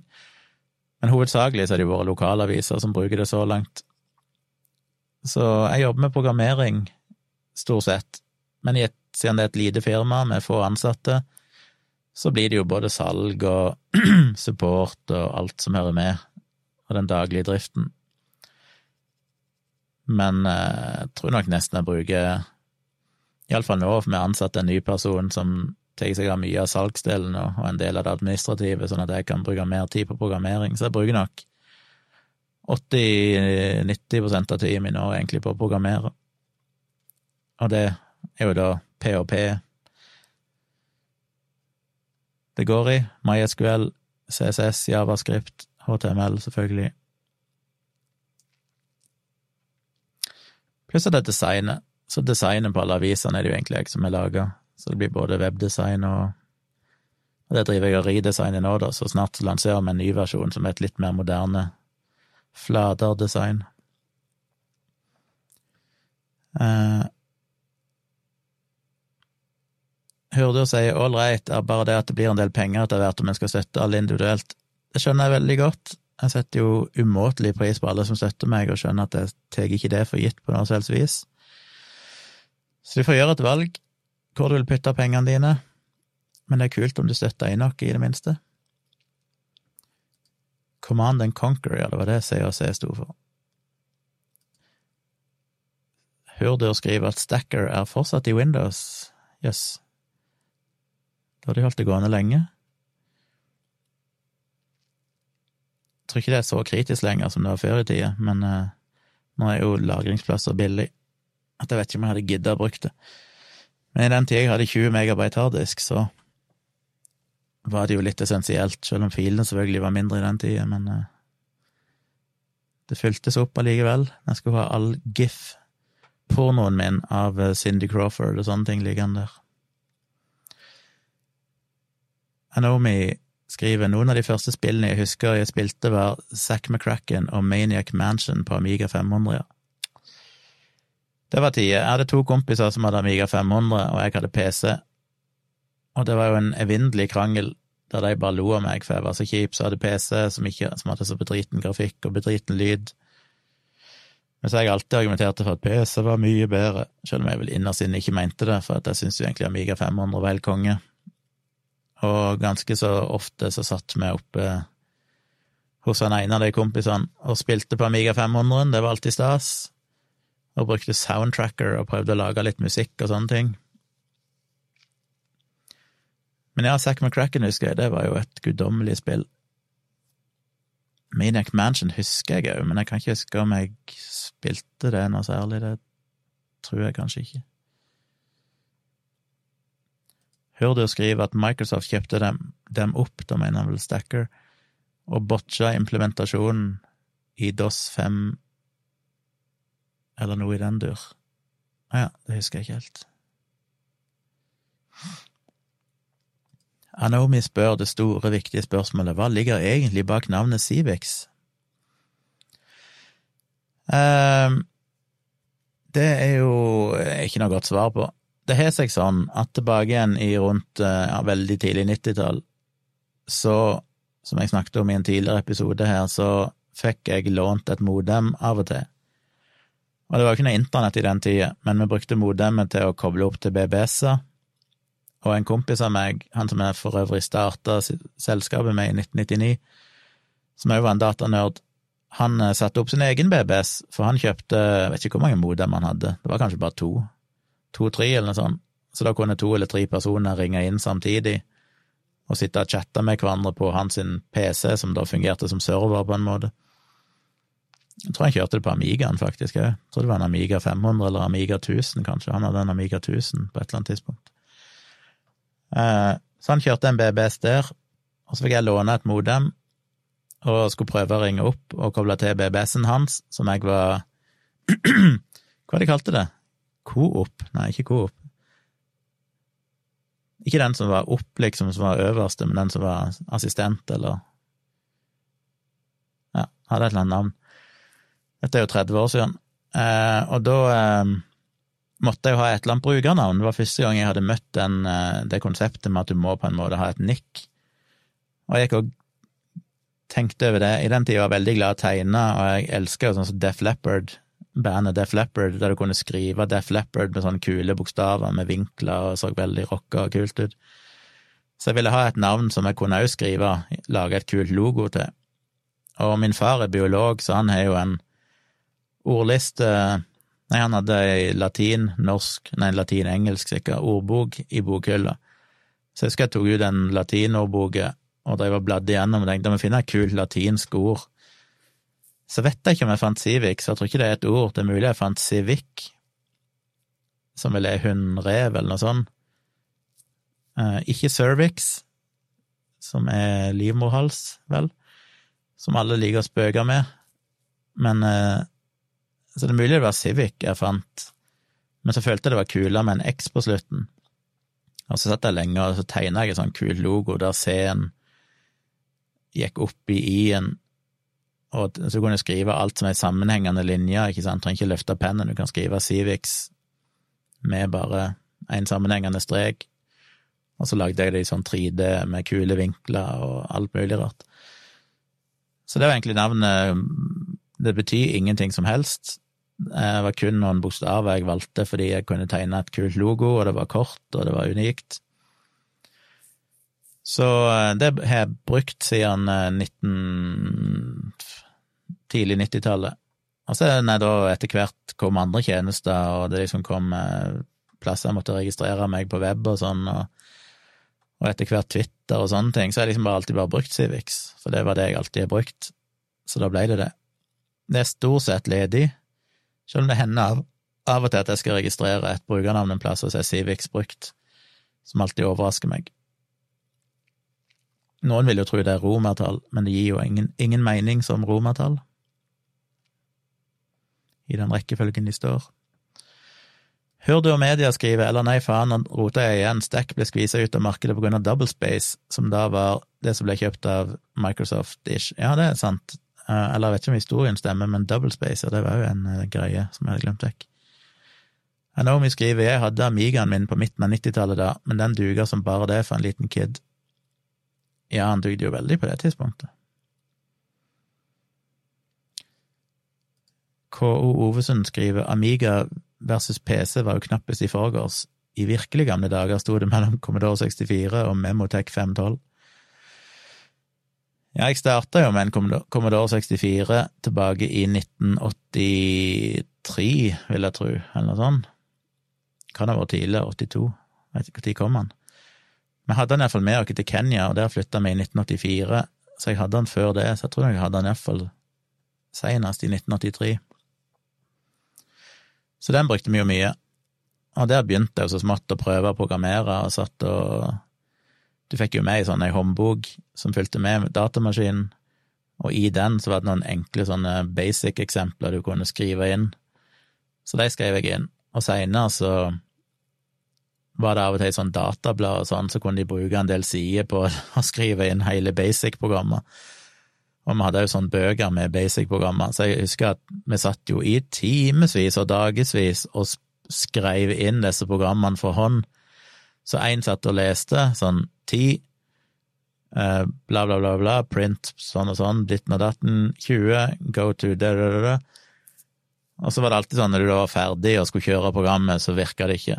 Og så måtte en sitte og nilese for å finne ut hvor er det jeg har glemt et komma eller semikolon, eller hva du brukte i den tida. Kolon var det kanskje. Uh, så det mest avanserte programmet jeg skrev inn, husker jeg var en flysimulator, som da altså var flysimulator i den forstand at du hadde bare noen ASKI-grafikk og du starta i lufta, så målet ditt bare å lande, så du så liksom horisonten og sånn, og kunne styre med piltastene. Så det satt vi jo, og det var side på side på side med bare kode, som vi satt og en satt og leste opp, en satt og skrev inn, og så bytta vi på det når en ble lei.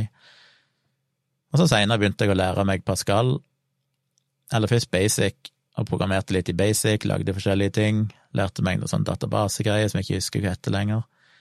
Så lærte jeg meg Pascal, og programmerte en del mer eller mindre avanserte ting, i Pascal så lærte jeg meg C så vidt, og så døde det litt vekk før jeg starta firmaet mitt, og plutselig en dag ble jeg tvunget til å måtte lære meg webutvikling, og da hoppet på PHP etter anbefaling fra min kollega, og så er det gått i PHP og MySQL og sånn de siste 20 årene. Anomi skriver mitt første brukernavn på nett var Dog2000.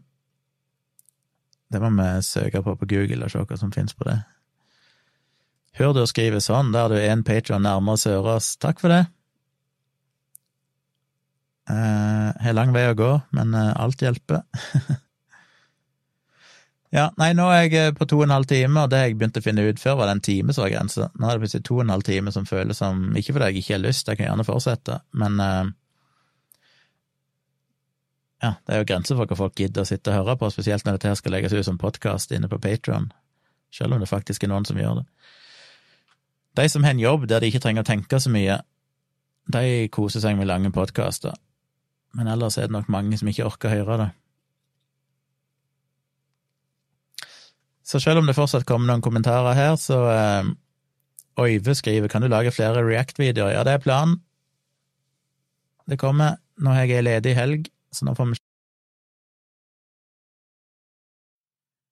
Uh, Nå er jeg tilbake igjen og spiller inn uten livestream, bare lyd, fordi at jeg mista plutselig internettet.